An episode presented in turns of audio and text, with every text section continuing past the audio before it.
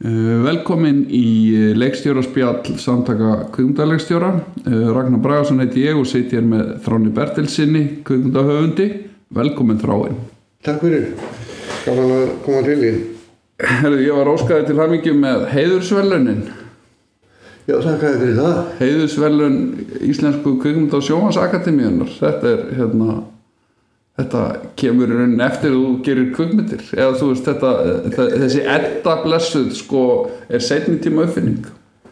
Já, að ég hérna, ég veit, ekki- veit ekki alveg á uh, sko, en ég hætti í kvikmyndagerð uh, sem sagt uh, áhaldinni sem leið Mm og uh, þá sagtist ég bara uh, úr uh, fæginu, ekki svo skilja að ég hafa verið búinn að fá nóg af kvikmyndagerð og eldur eiginlega þvert á móti því að, að ég var svona farin að nálgast það fannst mér að, að vita aðeins betur hvernig myndir ég vildi gera -hmm. uh, en en uh, en bara einum síkildu fjárhags ástæðum að þá var mér ekki stætt lengur, ég var búinn að missa húsið vonað mér einu sinni, eða ekki vonað mér, heldur vonað fjölskyldunni. Og, og hérna, eða það sem við áttum í þessu húsi og, og, og hérna, og svo tók ég þá ákvörðunum að, að ég get ekki bóðið uh, mínum nánustu upp á það lengur að, að eh, lifa við þessa fáránlegu óvissu. Og, eh, og hérna mm, og, og hætti og, og, síðan hef ég aldrei átt uh, andvöku nótt út af peningum. Nei, Nei, ég er mjög fegin því að því er mjög lítið áhuga á peningum. Já, einmitt. svo að, að hérna að það hefur verið miklu uh, ólíkt hérna um, þægilegra lífið síðan ég hætti. Og, og hérna og ég var eiginlega fegin að komast uh, já, svona lifandi og, og, og lítið særður út úr eh, þessu starfi sko. Að, að sem betur fyrir hefur það hefur það breyst á margan áttanlega að, eh, þetta er orðið viðurkend atvinnugrein já, og ekki bara sérvíska eða, eða brjálæði nei, einmitt. Svo að, að það er það er hérna eins og er, er, er rétt að að hérna að hræða ekki fólk að, að þó ég segi þetta að þá er ég á engan hátt að hugsa um að, að taka upp fyrir e, e, lifnaðarhætti og bara í kvigna gerði en, en hérna að ég er bara verið nóg gammal til að til að, að standa í því sko. Ef við, ef við svona uh, bakkum aðeins í tíma sko, þú veist, eins og, eins og þú segir það, hérna, íslensk kveikmyndagerð er náttúrulega ekki fjörgömmul ég, ég, er nú, hérna, nú bara rétt á miðum aldri og, og ég sé ekki íslenska kvikmyndir rauninni fyrir bara eftir tíóraldurinn sko, þú veist, þetta er að vorið hefst þarna 78-79 og hérna þannig að við, við erum mjög ung kvikmyndaþjóð. Getur aðeins svona ef við förum aðeins aftur í tíman sko, hvernig, og bara kannski þetta langt hvernig kviknar áhugin á kvikmyndagerð? Áhugin á kvikmyndinu hjá mér hérna uh, kviknar eiginlega um leið og og uh, sýstir mín fór með mig í bíó í fyrsta skipti á æfinni og ég man, uh, ég man þó nokkuð úr uh, myndinni. Og var Fantasia uh, frá, frá Walt Disney. Ég sá líka mjallkvíti á þess að hafa hugmyndum íslenska tengingu í, í þeirri mynd. -hmm. en, en og og svo man ég afskaplega vel eftir mm, svona hvað var að segja í hasarmyndum eins og og rakettu mönnunum -hmm. sem var sínt í Östuböðabíó -hmm. og, og uh, kannski hljók grenjandi út úr salum á, á óta við að það var eitthvað flóð í gangi uh, svipað á Akureyri um melkina Já, já. og hérna og ég var skítrættur um að þetta flætti sko af tjaldin og inn í salin og, og vildi komast lífs af sko en, en bara strax þá að þá varð ég alveg heldtekinn af þessum áhuga að, að uh, sko ég er eiginlega alin upp þessum einbyrni mm uh, að því að sýstu mín var farin að heimann þegar að ég man eftir mér fyrst og hún er aðeins eldri en ég og, og hérna og já, ég var mikið einn á þessum tíma uh, einn á heimili með, með pappa sem að ól mig upp einn einslagur fadir á þessum tíma og minn drauma heimur var, var í bókum Mhm.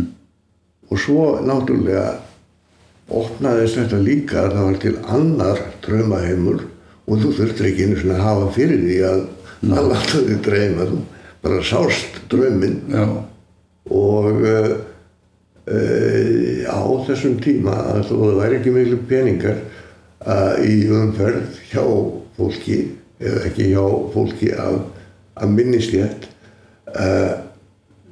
þá var þrjúbi á á sunnudum -hmm. og það var bara stór hátíð í bænum okkur um einasta sunnudegi að þá mættu börn og ég man eftir uh, fyrsta miðaverðið sem ég man eftir var að, að þá kostiði 2,50 miðin og, og hérna og þetta tóst manni oftar en ekki að gríða út og þá tók við sko ekki bara bíósýning heldur markaður fyrir utan þessi strákanir vesluðu með hasarblöð það er að segja amerísk uh, hérna uh, teknimyndablöð -hmm. og, og uh, hérna nú er náttúrulega teknimyndablöð komin í tísku loksins á, á, á, á virðulega stall í menningunni -hmm. en, en þetta var áhuga mál stráka á, hérna, og einstöku stelpur voru líka í þeim bransa. En þær, þær versluðu með já. mis, mismunandi og, og, og, og þetta var mjög líflegt. Og svo farið ég, sko, inn í salin þegar að bíósalinn þegar að síning var að hefjast. Og síningunni var fagnað með alveg óurlegum gauragangi það var blístrað í bíómiðana og, og æft og kallað og, og svona það var ekki nema bara ég börn urðu mjög taugasterk á því að vera á þessum síningum að það, það, það þóldu engir vælu kjóðar að vera, að vera inni í þessum djöflagangi mm -hmm. Sem að endist eh, sko eiginlega út síningun ef eitthvað var að gerast og þá, þá kölluðu áhörvendur ráðleggingar til, og aðvaranir til eh, leikara og, og, á tjaldinu. Mm Tóku þátt. og tóku þátt, lifandi þátt í þessu. Og, og ég má passa mig á því þegar ég fer í bíó að, að hérna ef, ef, ef að ég vil einhverju vel sem er í myndinni að, að kalla ekki viðvaranir Já, en, en um, hérna en þetta var uh, heillandi stemming og svo náttúrulega te- þegar að benskunni líkur og uh, úlingsárin taka við að þá er maður þá breytist uh, smekkurinn. Að, að uh, sem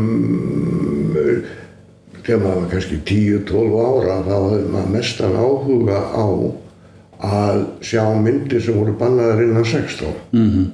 og og það vissu allir upp á hár hvaða dýraverðir voru uh, liberal og, og, og hverjir ekki og, og, og þannig sá maður sko bannaðar uh, myndir og sem voru aðlega bannaðar bara uh, glæpa myndir og, og síndi eitthvað sem var talið óholt fyrir börn að sjá.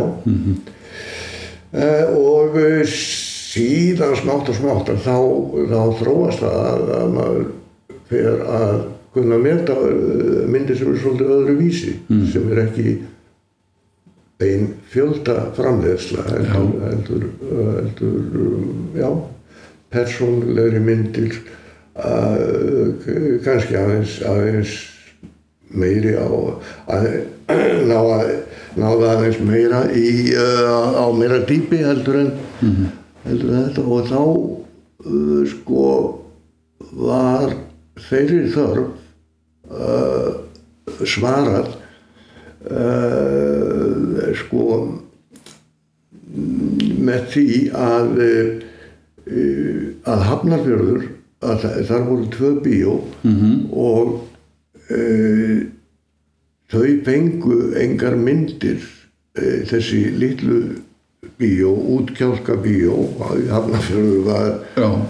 útkjálki á þeim tíma uh, uh, þau fengu engar nýjar myndir þau fengu engar myndir fyrir að hafa búið að djöfla þeim í gegn í Reykjavík. Og þá var kannski mest, mest mestu væntingarna búnar í Hafnafyrði því að, að það var hægt að komast úr Hafnafyrði til Reykjavíkur eins og, og hinnar liðina. Já. en þannig að það sem að bíónum það stóð til búaða voru uh, skandinaviska myndir og myndir frá Östur-Európu Já. og margt af þeim myndum voru uh, einhverja stórkostlega myndir og, og, og maður var upp í skíónum þegar maður skröldi í Hafnarfjörðastrætu heim aftur og, og hérna og uh, djúp uh, mótandi áhrif á á smekkmanns og, og mat á kvikmyndum mm. uh, á þessum uh, þú veist mótunar aldrei sem ólífsárin eru Já. og, og hérna af því að uh, af því að ég hef aldrei nokkuð tíman á æfinni geta gert nokkur skapaðar sem er leiðist eða hef ekki einhvern veginn færni til að gera huglæga eða líkamlega færni. Og uh, þá hugsaði ég strax með mér maður þetta er eitthvað sem ég langar til að gera. Mm. að ég held uh, í náttúrulega mínu, mínu sakleysi að, að það væri já, skemmtilegt að búa til kvikmyndir eins og horfa á þær. En, en það var svolítið náttúrulega uh, segja átt að mikið á fyrir ég fór að læra þetta já, að uh, þannig þannig voru nú þessi þessi ár sem eru eiginlega þá aðdragandinn að því að það er farið að gera kvikmyndir Áhugin kviknar. Já. það er að segja að því sem að mér snýr sko. Já, einmitt. En nú er engar, eins og við segjum, sko, þú veist, að tala um þetta, uh, þetta blessaða kvikmynda vor, sko, sem er svona ákveðin einhver vendupunktur í íslenski kvikmyndasögu, fram til þess, þess tíma er verið að gera svona, þú veist, Óskar og, og fleiri að gera eitthvað svona stópular kvikmyndir, þú veist, svona tilraunir og stýttri myndir og annað slíkt. já, já, Þannig að sko þessi ákvörðun sko að fara og menta sig í kvikmyndagerð eða ætla að, að, að það, það er daldið svona úr lofti gripis eða svona, hvað, hvað skulum við segja það er ekki beint að þess að sé eitthvað skonar blómlegur kvikmyndaiðnaður á Íslandi eða, eða Þe- þess vegna var maður að fara í skóla. Já, því að það var engin smuga að læra kvikmyndagerð þó maður hefði viljað vinna ókipis hjá skilur við Óskari Gíslasinni eða, eða einhverjum öðrum frum, frumkvöðli í uh, í gerðinu vegna þess að þær myndir uh, sem að voru alveg dásamlegar eins og síðasti bærin í dalum mm -hmm. Reykjavík ræfintir í pakkabræðra og, og, og, og fleiri síkildar myndir -hmm. sem voru alveg ágættar eru amatörverk -hmm. og hérna eh, og maður langaði til að veist koma að þessu skrifunum lengra mm -hmm. uh, og, og hérna og það var ekki leið til þess nefna að fara í kvíkundarskóla mm -hmm. svo, svo að ég ákvaða að fyrir í kvíkundarskóla náttúrulega Já. og það, það leið vel út um tíma þangar til að að hérna að koma því að, að borga skólagjöld að því að, að svo leiðis peninga ég ekki til sko. En, en, uh, en svo, svo að þessi kvikmynd áhugi að hann lág bara svona í uh, já ég, ég held honum bara fyrir mig og, og hérna mm, og, var eiginlega búin að gefa upp alla von um að að eh, geta, geta lært þetta mm, mm. og uh, þángar til bara að ég sá ég, við vorum að kenna konar mín uh, og ég uh, Norður og Telamorf í Eyjafyrði mm. og, og þá sá ég í gamlu mokka sem ég fann inn á kennararstofunni auglýsingu frá sænska kvikundarskólanum sem að hér þá dramatíska institutet mm -hmm. og þá blossaði þetta upp mm -hmm. aftur og, og hérna og ég sótt um og, og bara móti öllum um, líkinda lögmálum að þá komst ég inn sennilega vegna þess að þeir held að ég væri miklu klárari en ég er vegna þess að að ég talaði náttúrulega ekki sænsku Nei. þegar ég fór í indökuprófið og mm -hmm.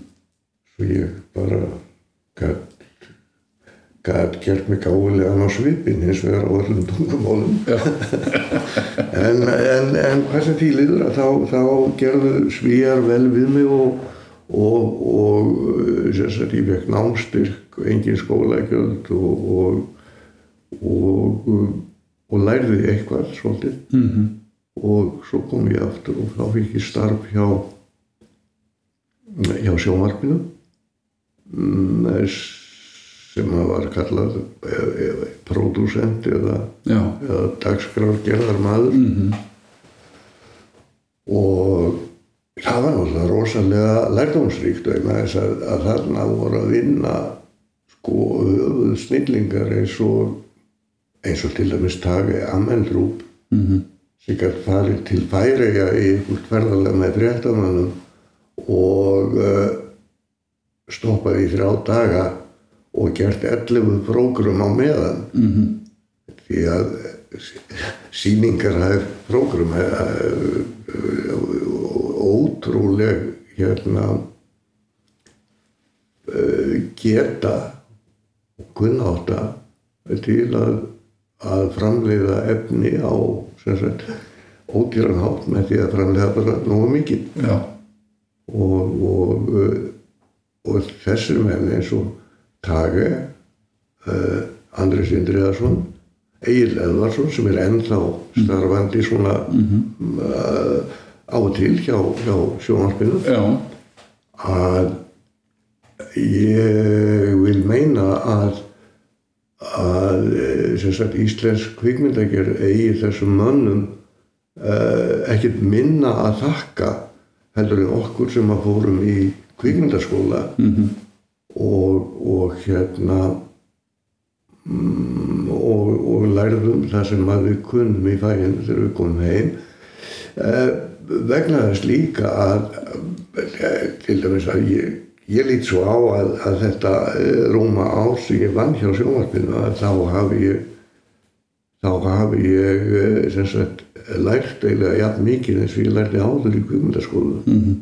Sem sagt með því að byggja ofan það, mm -hmm. með því að fá reynslu já.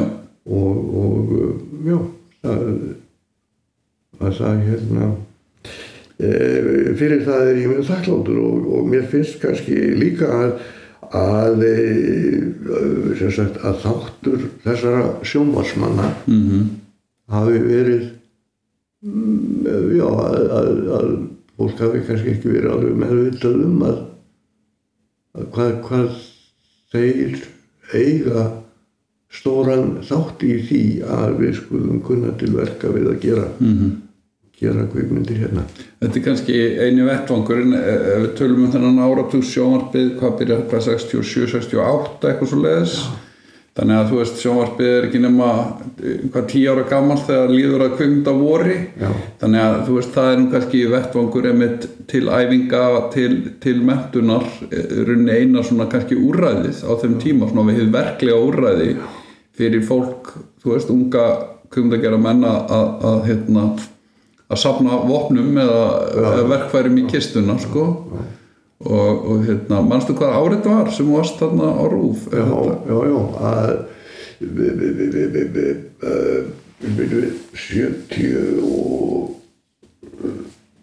við, við, um, ég verð til Svíðjóða 74 um, 75 um, það, það er uh, sagt 76 Já. má ég segja nokkur veginn Já. nákvæmlega sem ég sem ég uh, kem til vinnu á sjónvarpinu og, og uh,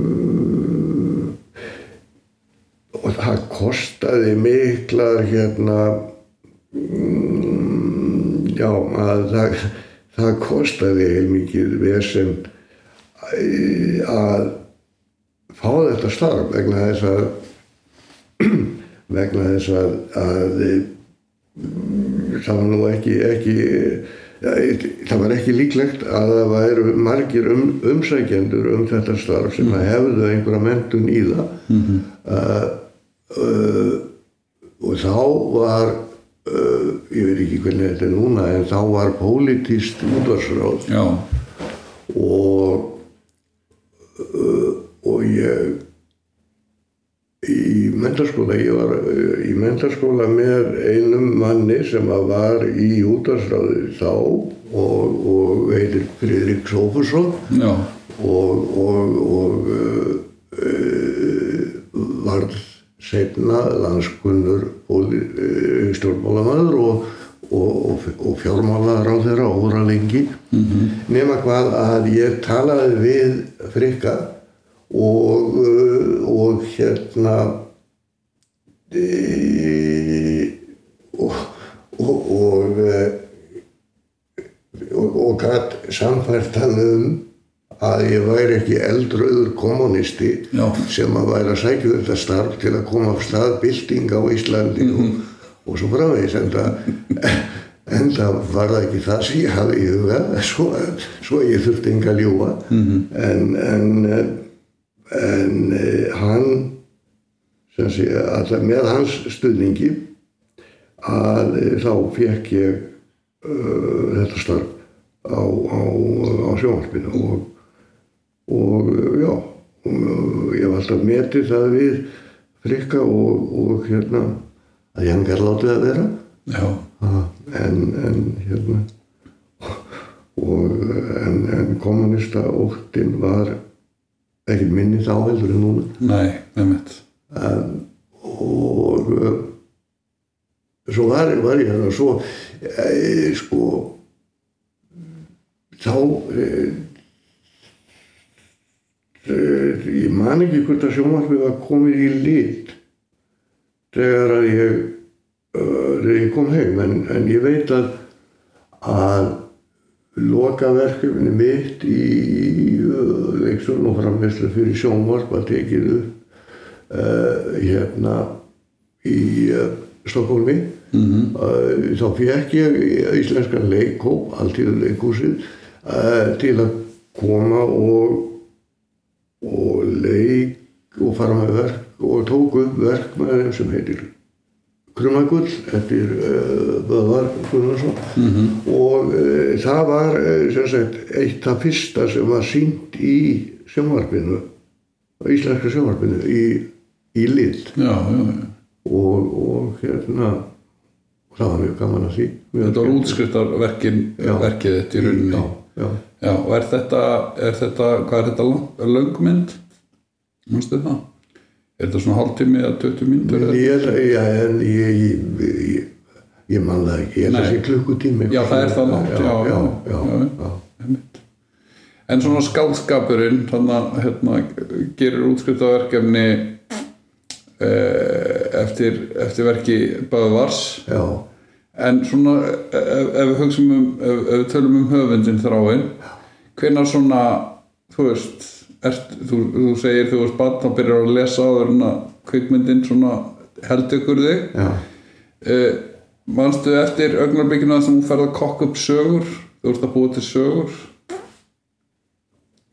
Byrjar að skrifa? Já, eða sko, ég, ég, ég, ég byrjaði að búa til sögur, sko, sem voru náttúrulega bara dagdraumar uh, fyrir sjálfan mig og, og hérna, uh, bara þegar ég var mjög ungur og, og, eiginlega, og, og án þess að skrifa náttúrulega nokkur, skapaða hlut niður og uh, af því að ég var svona mikið einn að þá átti ég þetta ósynlegan vinn sem að ég gætt sagt sögur eða svona skiptumst á, á sögum og, og hérna og, og það var bara mjög uppbyggilegt samband og sögurnar eru að vera spennandi og góðar og mikið óbeldi og, og, og göragangur og, uh, og þetta kallast svolítið á við meira að segja uh, að á gamalsaldri að þá tók ég upp á því að að uh, ég, ég var að, að gera hundin minn eða hundin okkar svo að nokks konar ósynlegu vin. Já, og eiga við hann samtöl á sama plani eins og við ósynlegan vin á fyrirtíð. Og uh, þannig að þessi þessi náttúra til, náttúra til að uh, að segja sögur eða, eða hérna lýsa veruleikanum á einhvern nátt uh, í orðunum að, að uh, hún er mm, bara svo rík í eðlinu að, að ég, ég skrifa eitthvað á á hverjum degi að ég bara að að ég bara, já bara ég, ég, ég þarf að gera það. Já, og uh, og ég er ekki að gera það yfirleitt í neinum tilgangi heldur bara ég er að skrifa fyrir mig. Já, og og, um, og þannig er það og ég vona að, að ég haldi því áfram eins lengi eins og eins og uh, eins lengi eins og ég endist. En um,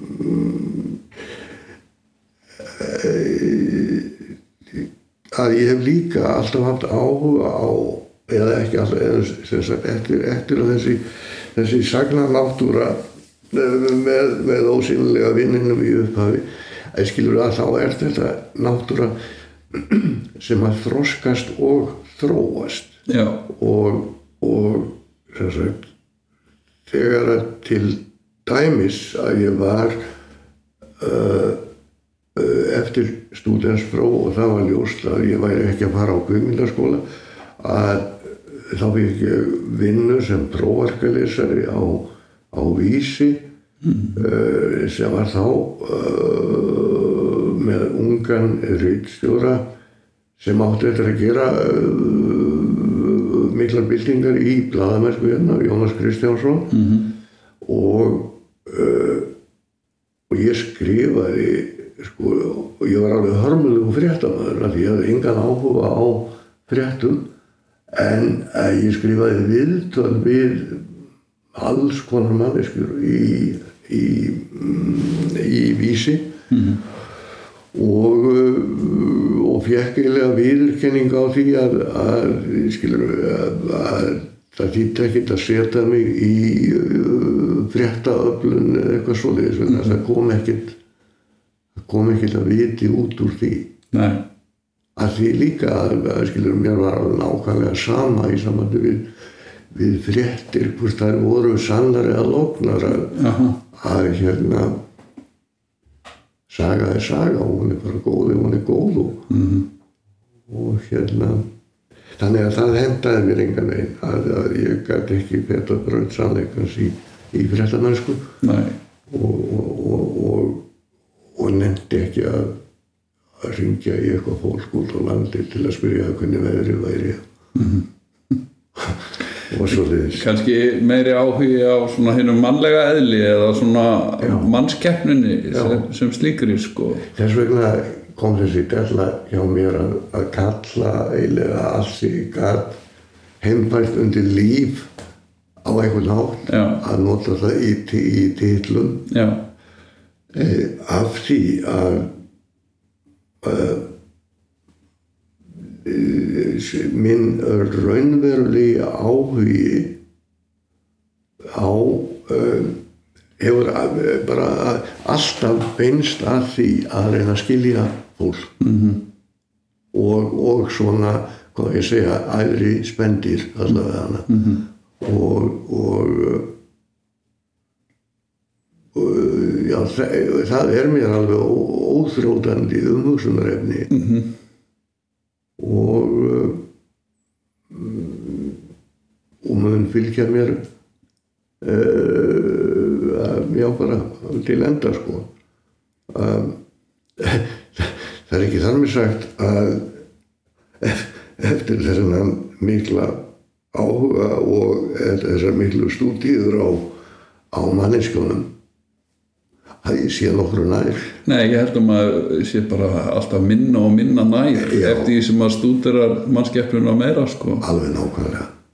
Þetta er, manneskjan er eins og lífið sjálf hún er ótrúlega anstekkileg grimm mm, miskunnarlaus og hún býr líka yfir alveg ótrúlegum kærleika og, og, og, og góðsemi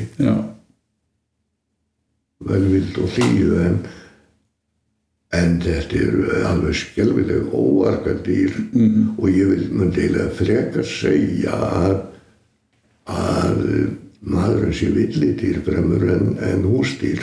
Já, því að, að þetta tamin dýr, húsdýr mannsins að þau undandenningar tilfelli að þau, að þau ráðist á menn og, og, og drefið á að bæði kettir og hundar hafa, hafa ekkert mörg uh, mannslíf á samvinskunni nei, og, og hestar kosta menn lífið ef, að- helst bara ef, að- menn er ekki í góð ástandi og fara á hestbæk einmitt. Fyrsta, ég held að fyrsta ég held ekki um það, ég veit að fyrsta íslenska kvikmynd sem ég sé í kvikmyndahúsi er Jón og Drjón Bjarni já, hún kemur út 81 uh, getur aðeins talað um aðdraðandana því og svona af hverju það, var, Já, það, var já, það fyrsta ég- verk? ég var á, á uh, sjónvarpum uh, og alveg heldtekin af kvikmynda áhuga. -hmm. og uh, sem sagt, en ég var þó ekki vitlusari en það að ég vissi að þetta kostaði peninga. Já, og ég vissi að maður yrði að útvega peninga til að gera þetta. Svo, svo að, að ég fekk sem sagt eða við Solveig uh, hún er meðsegg. Uh, við fengum þrjár aðrar fjölskyldur með í að gera mynd eftir þessum dásamlegu og vinsælu bókum Guðrúnar Helgadóttur -hmm. og ég skrifaði handrit með uh, sem sagt sem að er tiltöðlega mm, uh, já, trútt uh, bókunum en, en, en uh, það eru líka hluti sem að sem að uh, Guðrún átti ekki von á en -hmm. fekk svona í kaupæti -hmm. uh, og, og hérna uh, og það var indislegt að vinna með henni vegna þess að hún skipti sér ekkert að þessu. En, en, en, en auðvitað hefur henni fundist uh, hún haft síðan skoðanir á því. En, en þarna við gerðum uh, það voru Egil Ólarsson og, og Tinna uh, uh, konan hans sem að, voru önnur fjölskylda og svo einn fjölskylda í viðbót sem að uh, var við fram, eða einn hjón í viðbót sem að uh, sá um svona framkvæmda stjórn við, uh, við myndina. uh, þetta, þetta gekk ágætlega því að uh, uh, með því að uh, engin okkar eiganda myndana fengi neitt borgað fyrir að gera myndina að þá með 60.000 áhorfendum að þá gekk myndin upp Já. að hún skildi ekki eftir sig skulda fargan Nei. og af því náttúrulega ég þá brjálæðislegu álíktun Mhm. Að uh, það væri ekkert mál að gera kvikmyndir hérna. En þú segir sko þarna eru svona helstu aðstandendur sem að leggja fram tíma sinn og vinnu launalaust í, í þeirri bjart sínu von að, að, að þeir peningar skilir sér þegar áhrendur kom í hús. Eh, en, en sko voru einhverjir voru einhverjir styrkir eða voru þið með eitthvað svona lausafjö milli handana Við fengum eitthvað pínulítið úr þessu eh, fóstri að e, að sjóði eða, eða, eða kvikmynda Já, þegar kvikmyndasjóður svona er að Við fengum einhverju, það var, það var það munaði að sjálfsögum allt en, en þetta var ekki, ekki umtalsverð uh, uppæða því að, að líka að ég varð alveg var við það Mhm. að uh, það þótti já, það þótti skrítið að uh, ég skildi vilja uh, fara að gera barnamynd að mm fyrstu mynd. Lærðir þú ekki í Svíþjóð? Já, jú, jú. Uh, hefur ekki séð myndir eftir Ingvar Bergman mm jú, jú. Þið langar ekki til að gera myndir eins og Ingvar Bergman nei, mér langar ekki til að gera myndir eins og Ingvar Bergman mér langar bara ekki til að gera myndir eins og mér langar til að gera.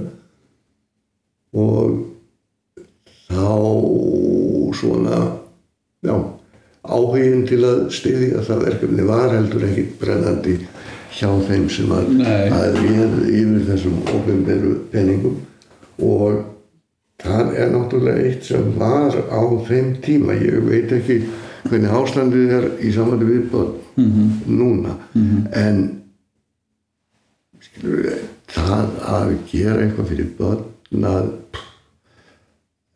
það var ekki hátt skrifað af, af svona af þessari fámennu menningar elítu sem var rauð húsum hér Nei. áður fyrir sko Þetta að, að það, var, það var alltaf sagt að börn eiga alveg Já. að fá úrvalsefni eins og fullornir Mhm. en þegar kom að því að skilur, að gefa það út eða, eða, hérna, eða styrkja það á einhvern nátt Mhm. eða veita því einhverja vírukenningar eða eitthvað þá var ekki á ísan að róa sko. En ég held að þetta hafi bara afskaplega lítið breyst. Þegar kemur að þeim með þessu sko, hérna, það er alltaf pínu svona uh, litið eða þú veist, fólk litið hotnu ef, það- ef það er alltaf er einhvern veginn að hefja sinn kvikmyndaferil og að gera einhverja barnamyndir eða eitthvað, eitthvað slíkt sko en þótt að sé alveg sko mikill vilji þú veist frá eins og kvikmyndasjóði og kvikmyndamist að reyna að efla efnis eða sem sagt framlýslu á efni fyrir börn sko þá einhvern veginn því miður þá er þetta einhvern veginn talið sem eitthvað óæðra. Eða þú veist, þetta er svona þetta hefur ekki sama hérna, gildi Já. sem er mjög sorglegt sko að því að sko gott barnaefni og þá kannski bara eh, nefni ég Jón Ótt og Jón Bjarnar því að sko bara í frumefni guðrunar og svo náttúrulega bara í myndinni sem slíkri að þegar góðir höfundar eða góðir hérna, eh, hérna, þegar góðir höfundar skrifa fyrir börn að þá eru þeir að skrifa ekki bara fyrir börn. Þeir eru að skrifa fyrir allan aldur því að gott barnaefni er efni sem talar ekki niður til barna heldur sko tekur inn raunverulega hluti skilur sem er ekki bara einhver fantasía heldur bara svona samfélagsleg efni eða einhvers konar vandamál. Og ég menna það er bara svona í DNA byggingu bara frá guðrunu og þú heldur áfram með það í myndinu sko. En það, það er sko því miður í samvæli við barnaefni að, að, að það er því miður ekki eins og ég siti við að horfa á barnaefni sem að nú er verið að, að framleiða en börn eru manneskjur -hmm. þau eru ekki komin með fullan þroska en það, þú veist en það er ekkit gefið að menn verði eitthvað betri eða gáðari með aldrinu ekki. þau eru með á sínu þroskastígi Já. og þau eiga hendingu á því að það sé reynd að framleiða efni handa þeim sem að er marg laga -hmm. gerist á margum plönum og má skilja á fleiri en eitt veg og Já. svo framvegis Já. en þess að kunna þau að meta þau finna þetta, þau skinja þetta Já. þau kunna kannski ekki að orða það -hmm.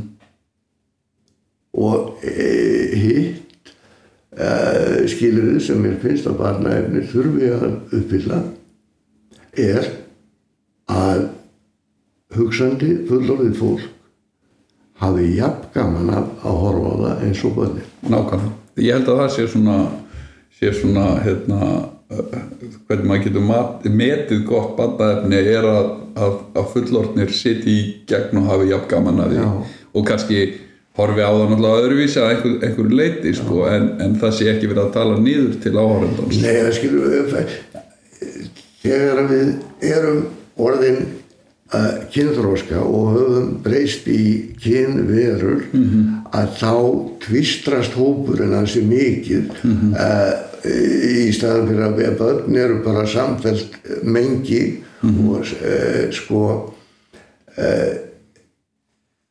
það að, að hérna að ná til uh, barna útheimtir það að, að, að maður gerir eitthvað sem fullorðni geta líka hort á. Og það gerir það ennþá erfiðara að að búa til marglaga hlut uh, sem, sem að báðir aðeinslega geta hort á með ánægju vegna þess að það þarf að innihalda að samskipti að ég er ekki tala um að fara að gera á þetta kvöldu nei, nei, því að að gagvart því að ég meina ég er að mann ekkert þeim en, en, en, en þau möndu standa alveg á gati Já. þess að kosti fyrir fyrstu kynsluðirnar sem Já. er að venjast þessu já.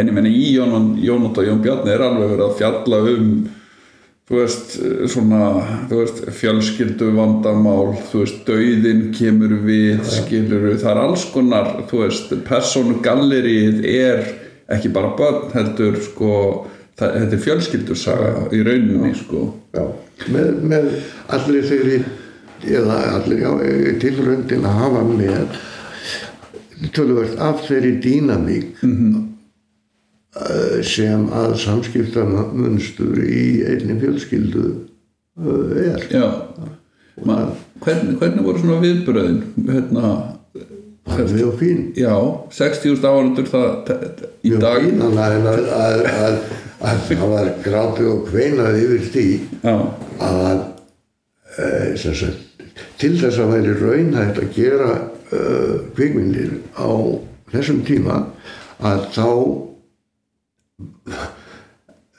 þá var að hafa miðan mun dýrari heldur en uh, til dæmis bara á ameríska myndir. Já, einmitt. Og og það supu margir foreldrar kvæljur yfir því já, að fara aftur að fara með gríslingan og borga þetta. Já, já, að borga bara upp í orðir að, að, að fara með þau að sjá þessa mynd. -hmm. hún er þá að vera merkileg og, og en, en þannig að þa-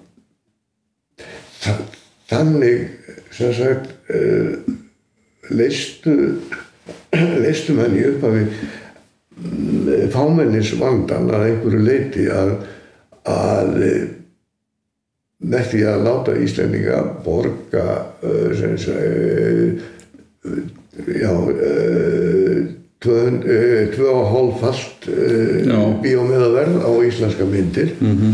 að þá þá, þá kom inn meiri peningar augljóslega -hmm. og uh, eins, og, eins og við værum uh, þá veit ekki 300.000 en ekki 150.000 já, emitt og, og, og það munaði mikið um það Mhm. en, en eins og ég er að þá á sama hátt að eftir að við eftir að nýja burfum við pór af íslensku myndum. Og eftir að meiri peningar komu í kvikmyndasjóð að þá minkaði kannski eh, l- löngun um, kvikmyndagjara manna hérna til þess að eh, að reyna að ná inn þessari miklu aðsókn sem að, sem að var uh, hér á fyrir tíð sko. Já, en maður kannski svona greinir þetta sko, þú veist, þetta er alls konar faktorar í því en þarna á fyrirluta 900 áratöðarins, þú veist, þessar fyrstu myndir koma, þú veist, ég menna bara allar þessar myndir sem er að koma hana á árdögunum, þú veist, Jónóttur Jón Bjarni, veiðiferðin, land og sinni, róðalfæðurina, hvaða nú er, skilur með allt á hreinu, þú veist, eða þessi svona runa fyrir að koma. Þetta er allt myndir sem að sko eru langt yfir meðaláharf, sko, þú veist, á kvikmyndir. Já, já, og hérna og, og það er náttúrulega sko fyrir þjóðina. E, e, þú veist ef maður hugsaður um sko kvikmyndagerð sem, sem svona menningarlegt fyrirbæri að þá, þá sko og, og, og það er nú stóru rökin fyrir bara þú veist að við höldum úti kvikmyndagerð þú veist og hér séu ofinbyrði styrkjur og annað slíkt er að, að hérna, það sé mjög mikilvægt fyrir þjóðina að geta speikla sig í sögum af sjálfum sér að, að fólk geti séð sig og sitt fólk uh, í sínu umhverfi á sinni tungu. Uh, það sem hefur kannski svo breyst þú veist í seinni tíð er náttúrulega hérna að það svona, þetta nýja brum þú veist, það, það, ég man alveg eftir þessu sko, þótt ég hafi verið ekki nema rétt um tí ára, ég sé Jón og Jón Bjarna. En þetta var, þetta var nánast eins og svona þú veist, hátís Já, já. að fara, þú veist, í bíó með foreldrum sínum og, og setjast niður og sjá Íslands og þú veist, og ég með segja að mamma og pappi dróð mig á sko atomstöðuna nokkrum árum síðan sko sem er ekki mynd fyrir 12 ára barn endilega eða, þú veist, en, en það var alveg svona, Já, já. þetta var svona uh, eins og ég man það þú veist, svona ákveðið þetta, þetta, þetta, þetta þóttis merkilegt já, ég sko, ég er ekki ég, mér þykir mjög vænt um landið mitt. Mér þykir ekki alveg eins vænt um þjóðina en, en uh, samt er ég uh, bara mikill Íslendingur í, í mínu eðli og, og sem betur fyrir alveg laus við þjóðrempur sem við finnst vera andstíkilegt og heimskulegt fyrirbæri. Uh, en sko þessi áhugi hjá fólki að sjá íslenska myndir að ég man ekki uh, já, ég geti mynd sem heitir Magnús. Mhm. Eftir uh, sem, byggir á mjög trungalegri hugmynd sem ég stál frá Kurosawa. Mhm.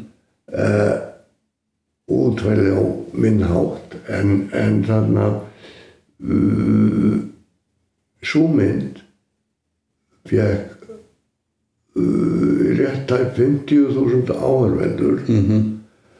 og uh, og toppaði þá uh, sem sagt þá amerísku mynd sem fekk mesta aðsókn var fekk að liti í me, meiri aðsókn endur en James Bond. Já, einmitt. Og, og, og það fannst mér það fannst mér mjög ánægilegt mm -hmm.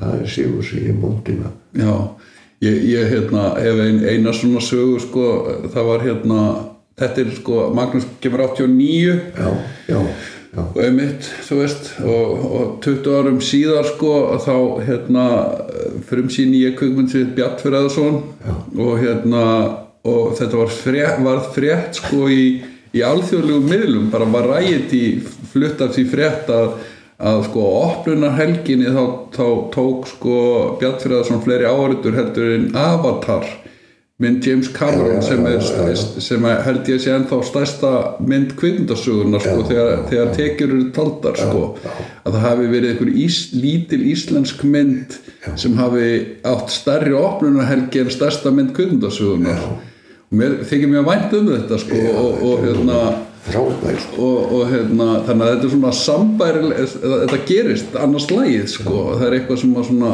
þú veist, uh, nær fólki. Já, sko, og kannski er þetta alveg tákrænt fyrir það að í raun og veru er íslensk kvikmyndagerð kraftaverk. Já, og, og, og uh, það er sem sagt það er að segja svo mikið kraftaverk að það verður aldrei hægt að toppa þetta. Nei. Að, að, að, að það er ekki hægt að komast lengra með þetta nei, heldur en hefur verið gert. Og, og uh, sko við, við getum heldur ekki uh, búist við því uh, með íslenska kvikmyndagerð að að hún haldi áfram að vera sko e e eitthvað kraftaverk sem endur tekur sig í sífellu en að að að það er ekki eðli kraftaverka. Nei. Svo að, að hérna við skulum við þurfum að að, að hlú að henni að þetta skiptir okkur ofsalega miklu máli að, að geta séð fólk úr okkar eigin umhverfi talandi okkar eigin tungumál og, og segjandi það að þá þá hef ég það eftir uh, ágættu skáldi uh, og, og uh, manni sem pældi mikið í samfélaginu uh, og er enn á lífi eftir því síðan best uh, heitir Mattias Jóhannesson var lengi reyndstjóri morgunblassins Já. að hann sagði við mig einhvern tíman að orustan eh, loka orustan í stríðinu um uh, íslenska tungu fer fram á kvítatjaldinu já, og það held ég að sé alveg rétt og að vísu að, að þá er íslenskan uh, í, í mun erfiðara og hættulegra umsátri núna heldur en nokkuð tíman á nýlendu tímanum. Já, já. Því að nú er bara nú er allt snjall drastlið -hmm. heimskulegt sem það nú er -hmm. á ennsku já, börnin þú veist, börn náttúrulega eru stöðut verða fyrir stöðu áreiti Já, gerur í gegnum gegnum samfélagsmiðla og annars líkt sko, og það er náttúrulega og, og fullorðin er ekkert síðan já, er ekkert síður Ég sko. meina, ef þú horfir á fréttir í sjónvarpinu Mhm. að það er fullt af hámentuðu fólki sem mætir þar og talar eitthvað einmitt Þetta er, þetta hefur aldrei verið svona, aldrei tíma. Mm -hmm. Áreitið á, á, á gegn tungunni Mhm. Og, og svo er líka komin upp meðal þeirra sem eiga að gæta tungunar er komin upp einhver svona að lesi fer að láta reyka á reyðanum stefna gangvært tungumálið og, og bara eh, einhverjir prófessorar yf- yfta bara öxlum og, og segja já, íslenska er bara það tungumál sem henn tala hérna á skerinum mhm, þetta er náttúrulega bara uh, ég, ég veit ekki eh, einhver afsökun á algjörum vannmætti eða vannhæfi til að taka þátt í baráttunni fyrir því að þetta tungumál okkar lifi eitthvað lengur og ég held að þetta sé alveg rétt hjá Mattiasi þetta með að, loka orust að fari fram á tjaldinu sko eða á skjánum eða hvað við já, kalla það já. að hérna, þú veist, þú veist ef einhver tíman þú veist, þú veist uh, ef mikilvægi kvikmyndarinnar eða kvikmyndaformsins hefur einhvern tíma verið mikilvægt þá er það akkurat núna held ég sko, þar sem að veist heimurinn einhvern veginn sko, veist, er, er í mjög hraðri breytingu skilur og hérna og, uh, og sífælt minkaran sko. Og þá spyr maður sig skilur minka minkar ekki á að sama skapi þú veist, einhvers konar veist, einhver þjóðareinkenni eða þjóðarvitund, þú veist, hvað þú veist, hva, hva, sem mikið er eftir af því skilur já, já, já, já. hérna uh, En ég meina að e, sko allt allt líður hjá. Allt streymir allt breytist. Uh, og ekkert varir að eilífu. Nei. og ekki heldur þessi tunga. En mér finnst bara okkur beri skilda til -hmm. að reyna að halda í ég ekki halda í heldur að vita að við nærumst á rótum -hmm. við erum alveg eins og plöntur að því leiti að, að við eigum rætur og úr þessum rótum fáum við ákveðna næringu sem við fáum ekkert annar staðar -hmm.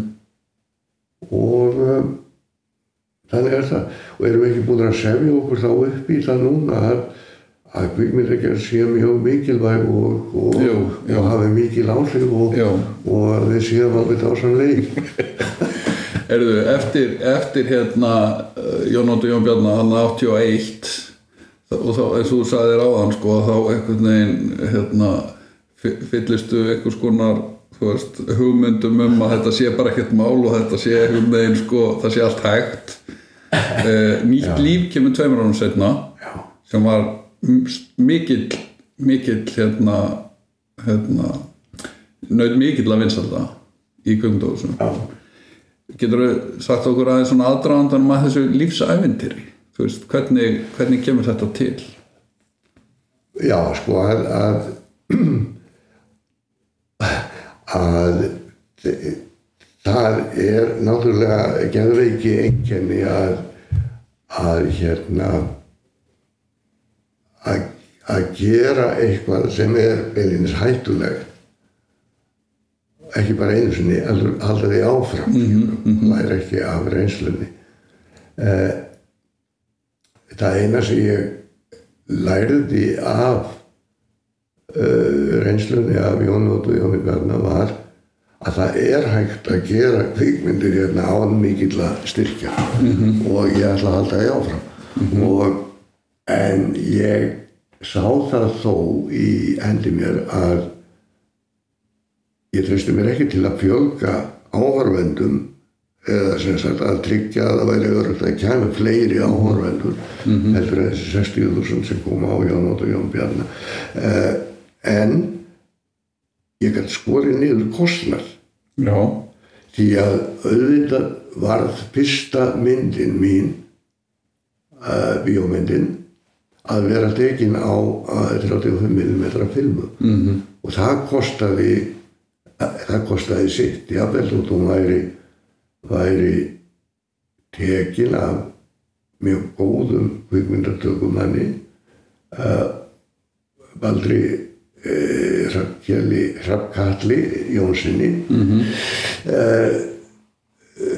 sem að kunni mjög vel til verka og, og, og, og kom úr rektum skóla þar sem hann hafi lært sitt handverk og svo hafði hann unnið sem við kvikmyndatöku á filmu í sjónvarpinu Já. lengi, lengi.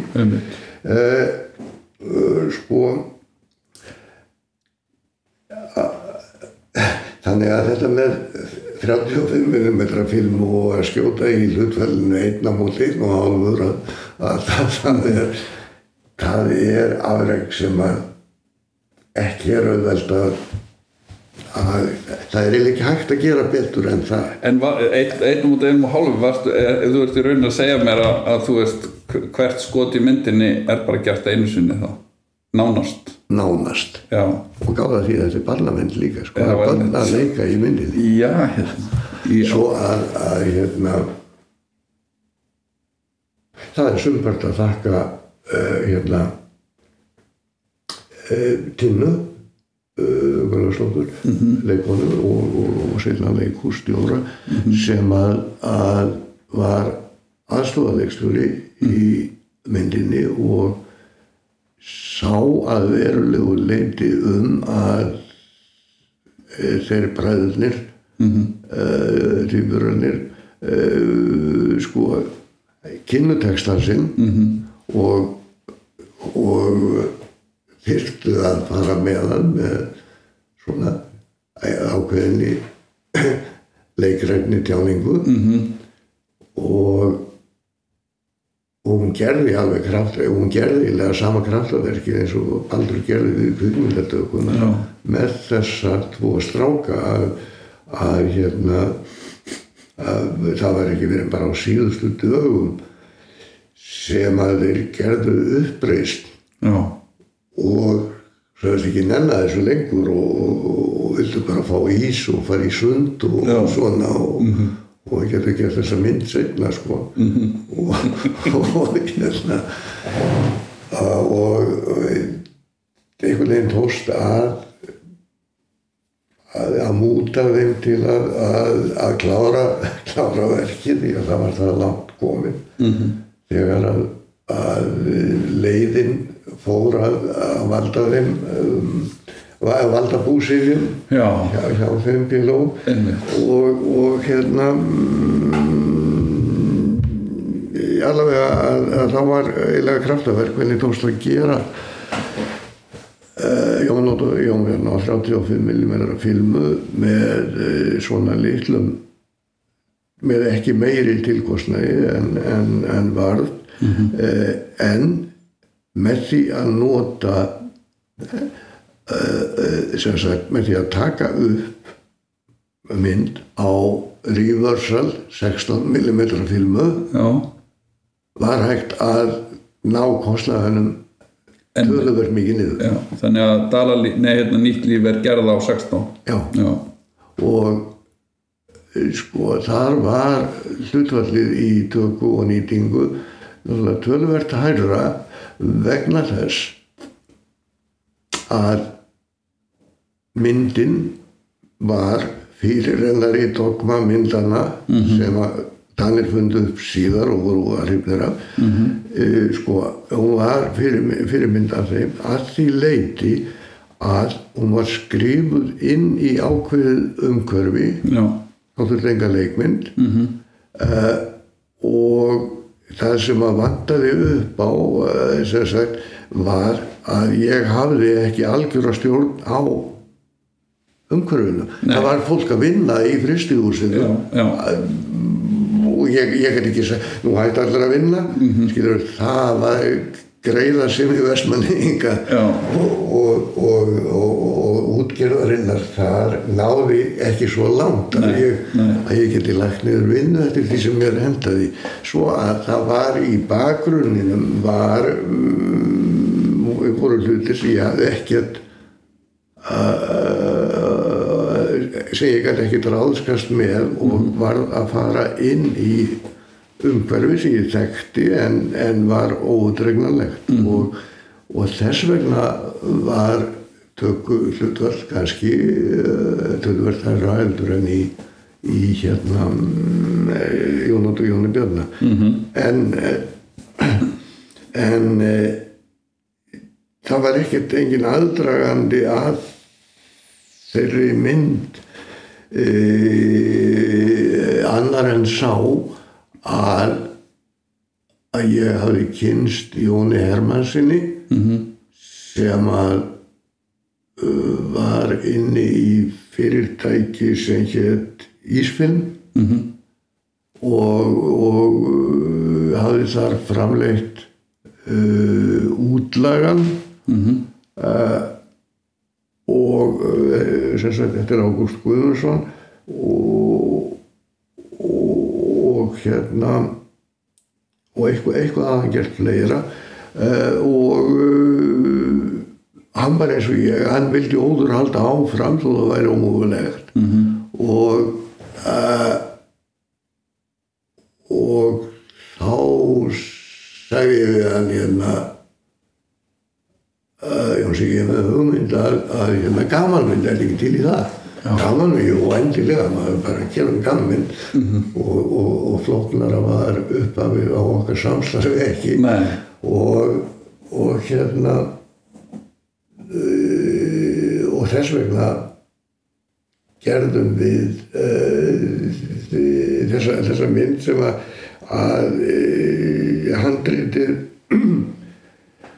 handritið skrifaði ég fyrst handa öðrum leikurum eldur en svo voru í myndinni en, en svona okkur gekk ekki vel að, að koma koma verkinu af stað. Og þá gerði ég það sem ég þurfti að gera um, um, uh, í samvæli við önnur verkefni eins og til dæmis sigla heiminblei miklu síðar. Að ef að verkefni sem ég er búin að skipleika í huganum frestast þá missi ég áhugan á því og ég, til að fá áhugan aftur þá ég að skipta um leikara. Og, og uh, það gerði ég og þess vegna eru eru Eggert uh, Þorleifsson og Karl Ágúst Úlfsson í hlutverkum Þórs og Danna að þannig eru tilvíljanir í lífinu. Já. og, eh, og hérna svo að e, já að að ég vil þó maður telji sér vera með og gott skipulag að þá þá er tilvílun alltaf að vangu upp á hjá manni sko. Mm en uh, sem sagt að við gerðum þessa mynd og hún hún gerist uh, í umhverfi, það er engin sena í nýju lífi sem ég hef ekki annarkvært upplifað sjálfur eða Ari uh, sem var Ari Kristinsson sem var kvikmyndatökumadur náttúrulega í myndinni uh, sem að bara er mótuð sem fullorðin manneskja í fristihúsum á Östfjörðum Já.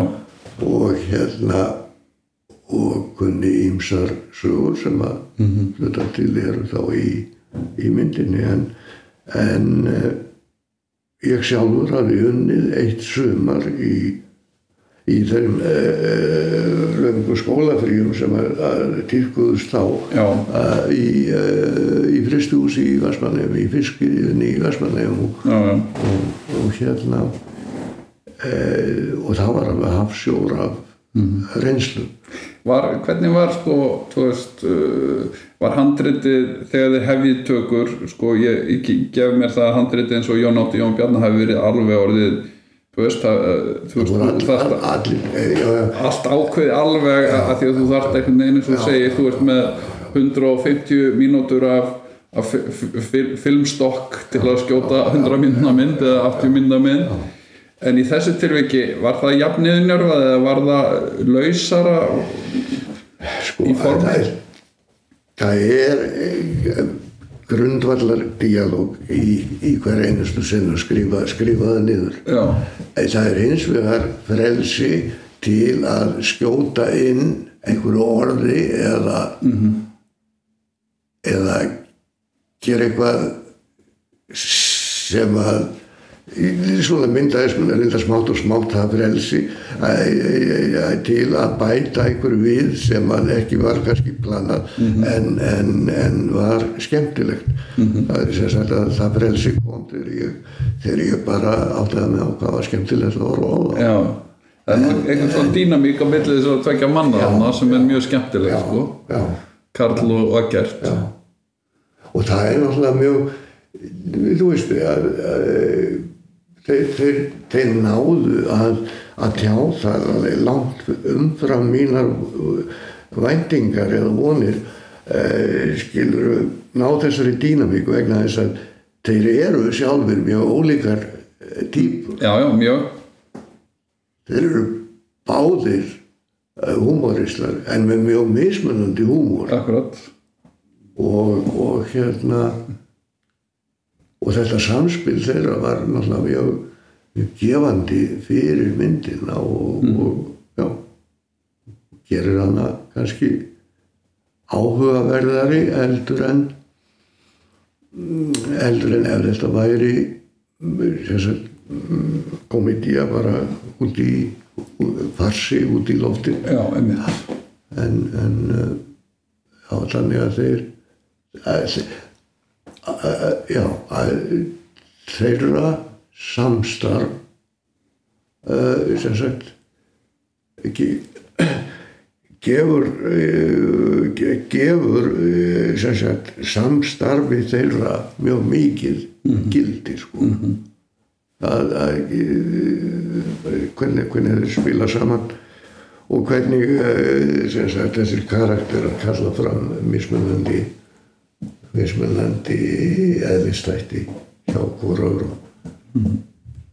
Hérna, hvernig, þú veist, eftir nýtt líf eða þú veist, hvenar að því að dalalíf kemur svo, svo skömmu setna, heldur bara árið setna eða eitthvað, eða 84 hvenar færðu hugmyndina, herðu, þetta er eitthvað sem ég langar að vinna? Skamdegi kemur á kemur hún á milli já, hún kemur á milli uh, þú ert að gera mynd, mér hratt hana já, þrjár myndir á bara tveimur eða þreimur árum. Já. Já, Ég, ég var eiginlega eins og, þú veist, í teiknumyndaserjum -hmm. þar sem að einhver hleypur fram af þvernýpi -hmm. og heldur áfram að hlaupa. Og hann dettur ekki niður fyrir hann fattar að það er ekkert sem að heldur honum uppi. -hmm. Þannig var þetta að, að ég að mér fannst ég verða að halda áfram að hlaupa þess að er nýtt líf að þá þá, þá fylgist ég af uh, hérna listrænum metnaði -hmm. og af því að allir sem fást við komedíu af einhverju tægi ha- fá það á tilfinninguna að þessi annarsflokks borgarar og ekki sérlega greindir. Svo að mér langaði til að gera þá mynd sem að, að hérna uh, sem að tækja af öll tvímæli um að ég væri alveg full gildur gáumöður skilur mesti kómiker allra tíma Sjaplin þjáðist af þessu alla sína æfi, ég finna þess að gerða hann þvælu eins og, og grefinjan frá Hong Kong sem er bara ó, ótrúlega ófindin og tilgerðarleg þvæla þegar maður búin að smala saman einhverju fólki eins og hvað Marlon Brando og Sofía Loren eða nú, veist bara uh, rugg en, en þarna allavega að, að ég er að réttlæta mitt rugg með því að bæði var ég ekki komist séni eins og sjaflin og ég var líka yngri heldur en hann. Já, svo að ég vildi fá að gera alvarlega mynd og, og við fórum vestur í uh, Arnarfjörn að reyna að gera mynd uh, sem heitir Skamdi mm Við fórum, eh, völdum Arnarfjörð vegna þess að e, viðstofan íslenska sagði mér að þetta væri snjóþingsti staður á Íslandi. -hmm. og ég vildi hafa mikið snjó hríð og bara óhugnarlega veður og, og hérna, já, já, og allt í góðu með það vegna þess að, að við Jón höfðum meira að segja eignast smá, áttum smá pening eftir, eftir nýtt líf mm -hmm. svo var allt í lagi en þegar það tilkom að þá þá kom engin snjór mm og við tókum allar senur við einréttuðum stúdi og í slátarhúsi sem var þarna og tókum allar inni senur og, og hérna og það sem við komast upp með að taka af, af, uh, af vetrartökum þar sem snjór þurfti að sjást mm -hmm. en það vantæði samt alveg helling í myndina. Mm -hmm og við fórum í bæinn og skilur mynd sem ekki er búið að taka upp að það er mjög verið að sína að sína svoleiðis. Og uh, þá kom spurningi hvað gerum við núna? Og svarið við því var að Jón var búin að veist áhugaðan á lífinu og, og hérna og og, og, svona farið að sjá á bjart sínni hjá honum og er að fá með bjart sínni mönnum Já. við gerum bara aðra, aðra gafmynd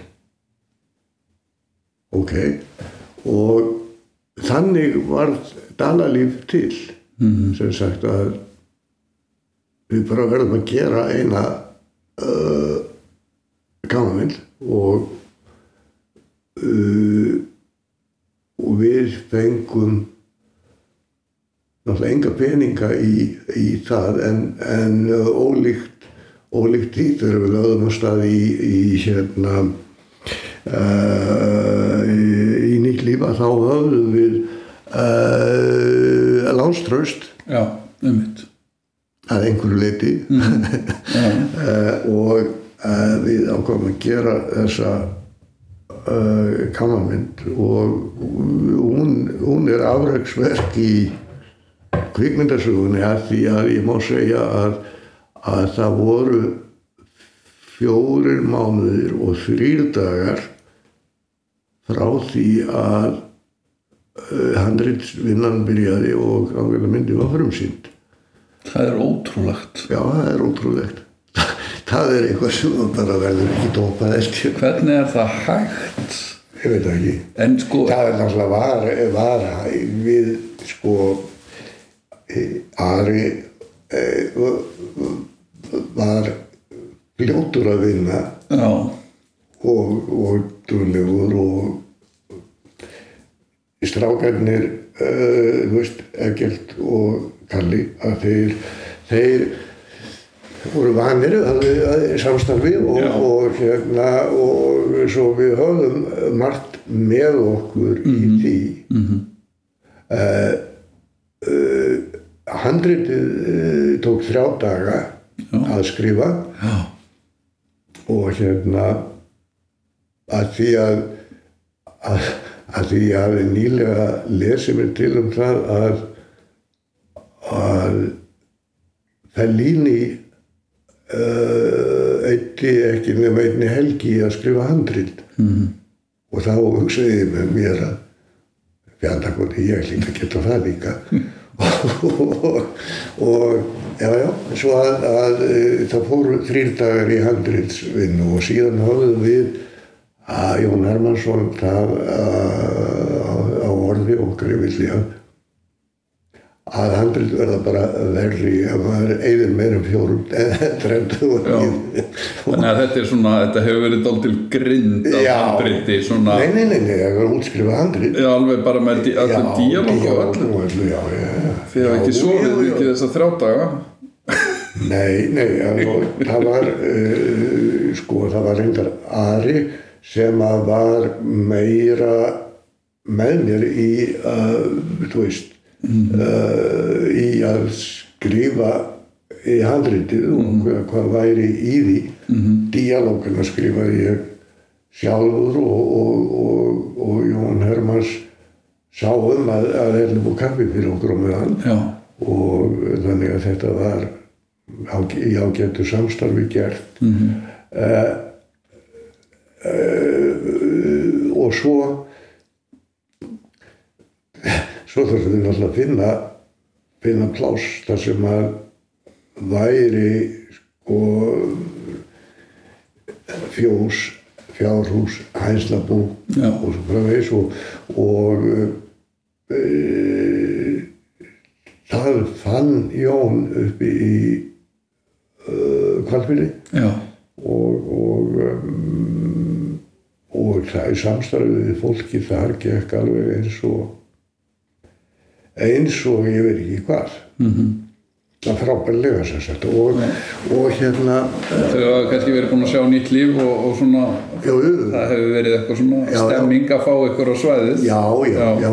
já, en ég er búinn að, að, að, að fólk hafi, að, að blessa fólkið hafi haft, haft ánægja því, ég er alveg, reyndar alveg samfælur um það, það hefur verið, uh, verið ánægja, það var mikil, mikil svona hraði og guðsugangur á manni á, á þessum tíma og, og hérna, og þannig, þannig var það, en, en hérna,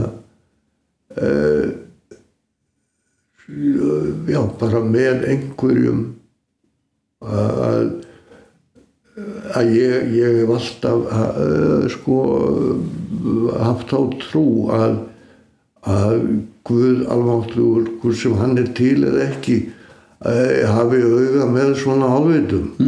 Já, eins og mér en en, en, en, en velþóknun hann hefur velþóknun á, á vittlýsingum eða svona aðdorkusum fólki?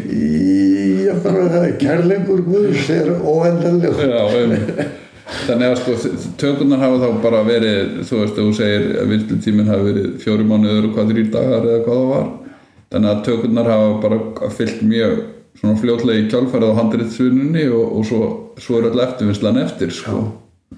En við tókum hana upp á, á 20 og eitthvað dögum já, já, emitt og, og uh, sem eru náttúrulega mm, það er ekki nema vanir menn sem að, nei, se- sem að ná því en, en, en hérna, já, já, þannig, þannig er það og, og, og svona ákveðin atriði í, í þeirri mynd að eh, ég hef aldrei lendi í jafn ógeðslegum hlut eins og, eins og þetta með hænurnar. Þegar að við byrjuðum og tókum upp uh, sko með 600 hænum svo sá ég það þegar það var komið úr framkvæmlum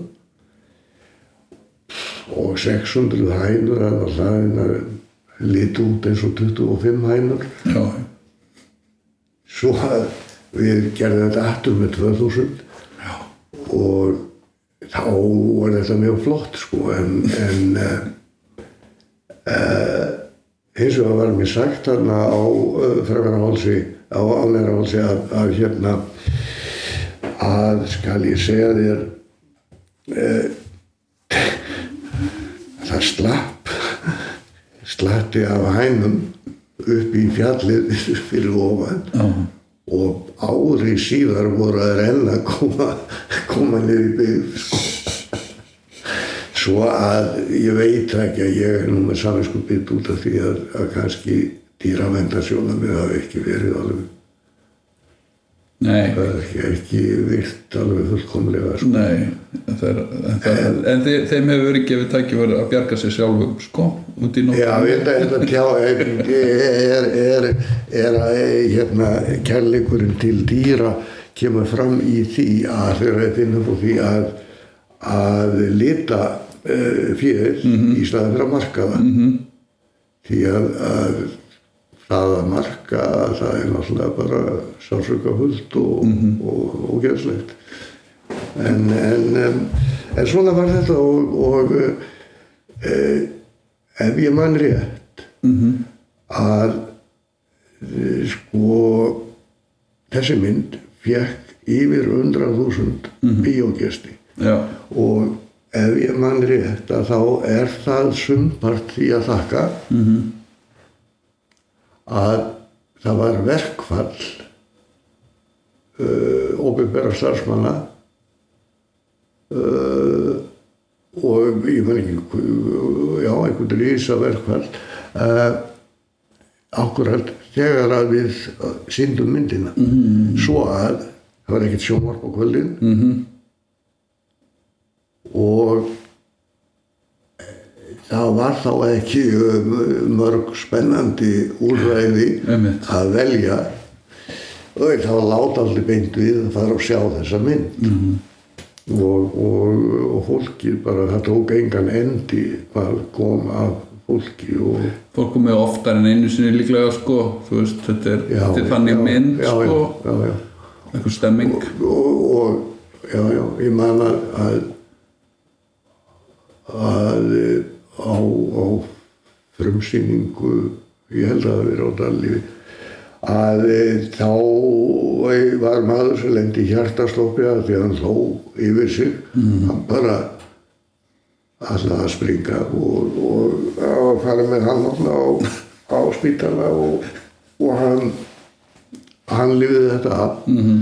en þannig að myndin var ekki velinins lífshættuleg en en, en þetta það var líginni líkast eh, hvernig viðtökunar voru og og, og, og, og það fór, fór alltaf jafn mikið í töðanar á mér sem komíker að sjá fólk koma út af myndinni þurka tárin sko úr að því að það hefði grátið af hlátri hrista svo hausinn og segja hefðu meiri djóðsir vilja sann já, en, fa- en í röð, eftir þetta þú segir sko skamdegi þegar og svo eh, grændum við fullt af peningum. Farið í og skamdegi klárum svo skamdegi hendum peningunum í skamdegi Já. og eittum þeim peningum. Sem þetta það þarf ekki að óttast að við Jón höfum auðgast mikið af þessu því okkur okkur helst ekki vel á peningunum því við notuðum þá í að klára skamdegi já, og hana hún fekk uh, 17.000 áraundur og uh, sem myndi teljast ansi gott í dag svona fyrir íslenska mynd, það er bara vel yfir meðal á sókn, en á þeim tíma hefur það verið bara pínur svona kannski, það nei, neini myndir voru komnar Já. niður í, Já. í aðsókn en, en fyrir okkur var það algjört áfall sko. já, og, og um, já, við, við lítum það mjög alvarlegum augum Mhm. -hmm. en, en uh, hvernig, hvernig voru viðbröðin bæði, þú veist, frá árundum eða þá meina ég sko gagnrindum árundum sko, því að nú, þú veist kannski- Já, að því þú ert búin að setja einhvern svona tón sko, þú ert búin að gera þú veist, Já, vinsælar sko, gama myndir og, ég veit ekki, en allavega bransinn Mhm. að valdi þessa mynd uh, skaldegi sem framlag til Óskarsvöluna Já, og uh, það var jákvægt og, og uh, gaggrínin var að öðru leiti svona ívið skárri eldur en uh, eldur ég átt að venjast þess að gaggrínin eins og fyrir uh, nýtt líf og dalalíf var eiginlega að mestu leiti frekar svívirðingar heldur en, Já. heldur en gaggríni sko. Já, að bara, þú veist, menn gaggreinendur frussuð yfir því hvað þetta væri ómerkilegt. Já, og eiginlega bara ekki sambúðið uh, kvikmyndagerðin að vera að gera svona dellu myndir sko. og, og uh, já, já að ég tók þetta svolítið inn á mig á þeim tíma. Já, ég, ég, ger, ég meira að segja ákvaða hefna mín á, á, á gaggrinendum ég man ekki hvað ég held fyrir ég held að veri sko meðan að nýtt líf var í sýningum -hmm. að þá, þá tók ég uh, eða við Jón uh, auglýsingu í mokkanum heilsíðu auglýsingu sem á því, þeim tíma skilur náði til allra landsmanna -hmm. og sko það sem við tókum geggjöðustu bútana úr þeirri gaggrín sem hafi komið -hmm. og uh, þökkuðum landsmannum fyrir mótökunar á þessari mynd skilur, já. sem að væri núna komin í 40.000 áhörvendur Já, já. ég veit ekki og, og hérna, já, já það var ekki heldur sniðugt að að, að æs, æsa ma mafíun á móti sér sko. Nei. ha, En sko, þú veist, löggulíf kemur út sama ár og skamti. já, við 82. döpuðum og skamdi við verðum, við að gera einn en Já, þannig að þið bara í rauninni viðbröðin við þessu er að bara henda sér á staði í, staði í næsta næstu, verk. já, já, Já. já, Þannig á sko þrem, þremur árum, Já. svona allavega á, á kalender, Já. að þá gerir fjórar já. Það er ansið vel gert. Fjóra myndir á þremur árum, sko, þetta er, ég var að starraðin í að að missa ekki húsið já, einmitt. en það, því var það ekki, ekki það var ekki hægt að fresta því endalust já, já, En, er, en, en svona vinslu tíminn á löggulíf, var hann eitthvað við- eins og á Dalí, var þetta nei það mjög hratt? það eða- var mesti uh, það fór mesti tíminn í uh, af þessum þrejum myndum þá fór lang mesti tíminn í upptökur á, á lögulífi, ég veit ekki hvort að Ari var farin að spillast af velgengni myndana og, og halda að það væri þá peningur til í að að aðtúða ræðspilur mm. og, og svo framvegis, ég veit það ekki en, en uh, kannski var það bara þreita uh, almenn þreita en, en uh, ég reyndi að gera þetta áhugavert mm, fyrir, fyrir mig. Mhm, uh, með því að reyna að hafa skilur mismunandi mismunandi tegundir af, af uh, húmor í, í myndunum þar að segja uh, nýtt líf að byggist á raunverulegum aðstæðum, raunverulegum personum og, og svo framvegis. Uh, dalalíf er meira svona, þú veist, er, er mjög lauslega tengt við veruleikan og mjög frjálslega farið með veruleikan -hmm. sem að, að er þó að einhverju leiti uh, sjáanlegur í dalalífi en í löggulífi er, er, er náttúrulega farið út í algjöran farsa já, einmitt.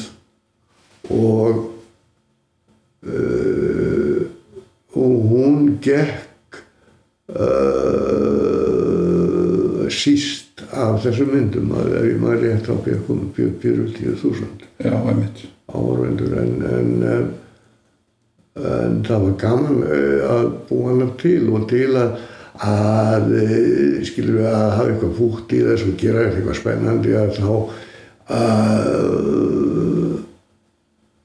þá kipti ég 20 bíla á uppbóði á löggunni -hmm. og við fengum e, svona bíla, bíla áhuga menn e, bí, stráka í að, að að sjá um svona einhver, einhver bílastönd og álastra og svona og framvegis einmitt. og, og það var bara um, það var mjög skemmtilegt en, en það var líka dálítið stressandi sko að því að ég var náttúrulega með lífið í lúkonum að uh, einhver slasaði sig. Mhm, einmitt. og, og sem betur fyrir að þá þá slipp allir óskattaðir frá, frá þessu Maður hefur einhvern svona tilfinningu, sko, og þar, þar kemur já, almættið inn. almættið, sko. Maður hefur einhvern tilfinningu, sko, að hérna, uh, uh, að, að svona, þú veist, uh, á þessum tíma, það sem er náttúrulega, þú veist, á, á svona þessum frum árum eða þessum áratug þarna, 2080-90, að þá er svona þú veist, eh, talandi um, sko svona áhuga mennsku sko er að verða til íslensk kveikmyndagerð þú veist, svona, þú veist, þetta er náttúrulega fagþekking og alls konar þú veist, þetta er náttúrulega, þetta er ekki bara leikstjórnir, þetta er alveg þú veist, viðtækt, það er svo margir sem koma að þessu sko.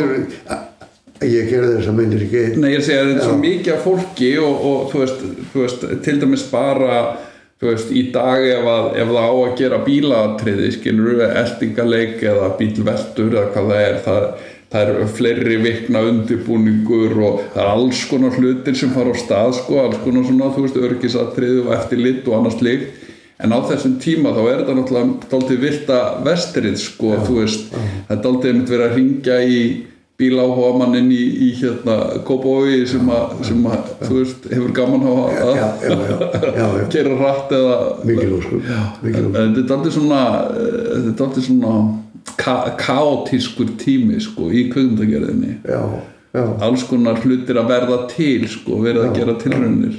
Og meira að segja á þessum tíma að e, þá var ekki komin þessi mm, fasíski eh, og byråkratíski löggu stíla þá voru ennþá humoristar í löggunni sem hefur séð hina myndin og Já. gera löggu, já það er líst vel á það maður og og voru allir á, á hjólum við að, að hjálpa manni hjálpa til Já. já. og, og hérna og ég ég fekk hjá þeim meira að segja gamlan löggubíl á uh, og, og keirði um bæinn og ég notaði hann bara sem minn enga bíl svo og keirði um bæinn og sem var alveg óþólandi leðilegt af því að hann virkaði eins og síróp í umverðinni að þú veist, það hægði allir á sér.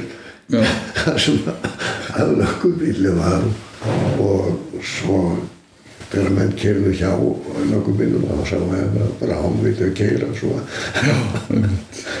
En en það voru vissulega eh, já, að- aðrir tímar og, og, og, og samfélagið var ekki eins flókið og þungt í böðum eins og, eins og Eins og í dag. þú ert réttilega að benda á. Einmitt.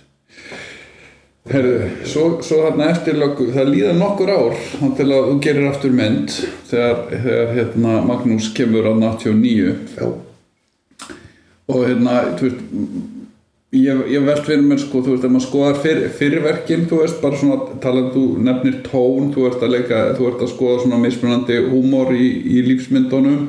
Þú veist, nýtt líf er svona eh, realískast, kannski, realískasta verkið og svo endar það í absúrt eða farsa eða einhver í lögulífi eða í elementunum sko.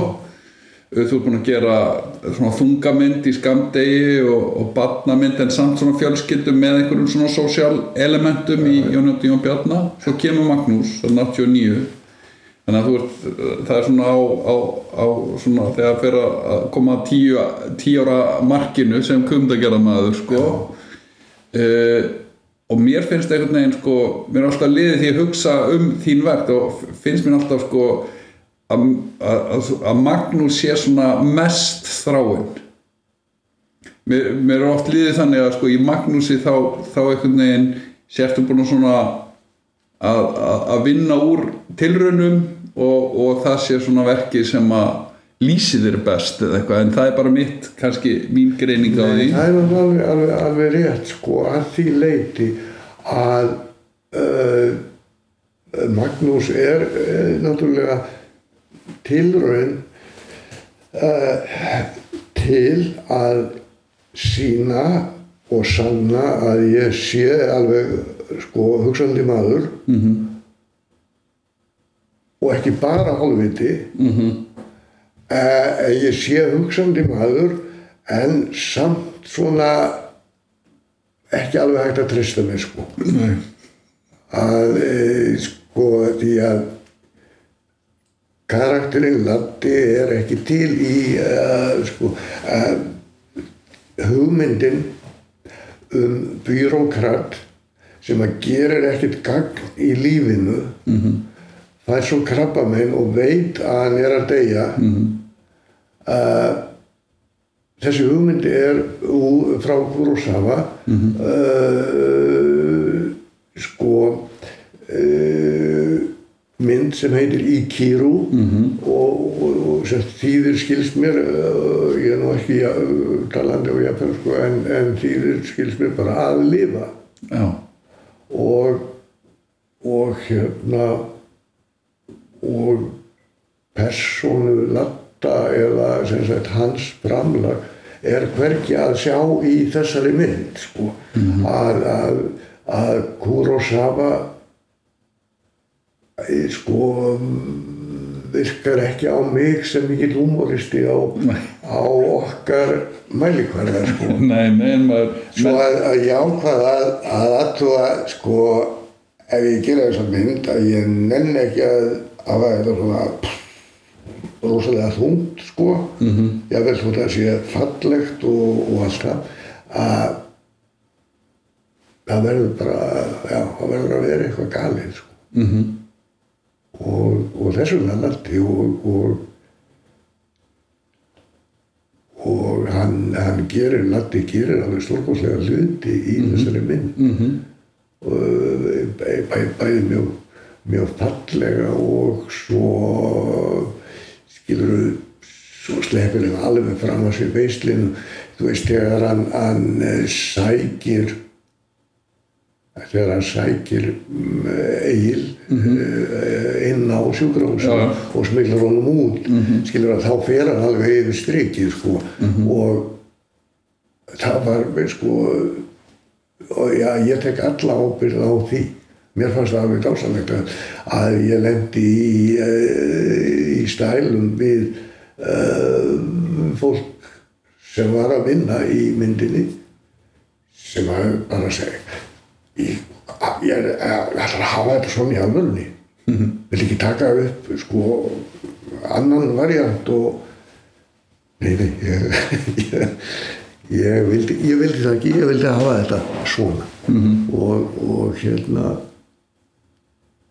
segi mjög fegin að, að hafa gert. Mhm, vegna þess að, að það er mm, það er bara nær mér og mínu eðli að, að eh, við langar til að það sé eitthvað óvænt, eitthvað óútreiknanlegt, ófyrirsjáanlegt í öllu sem ég geri að því að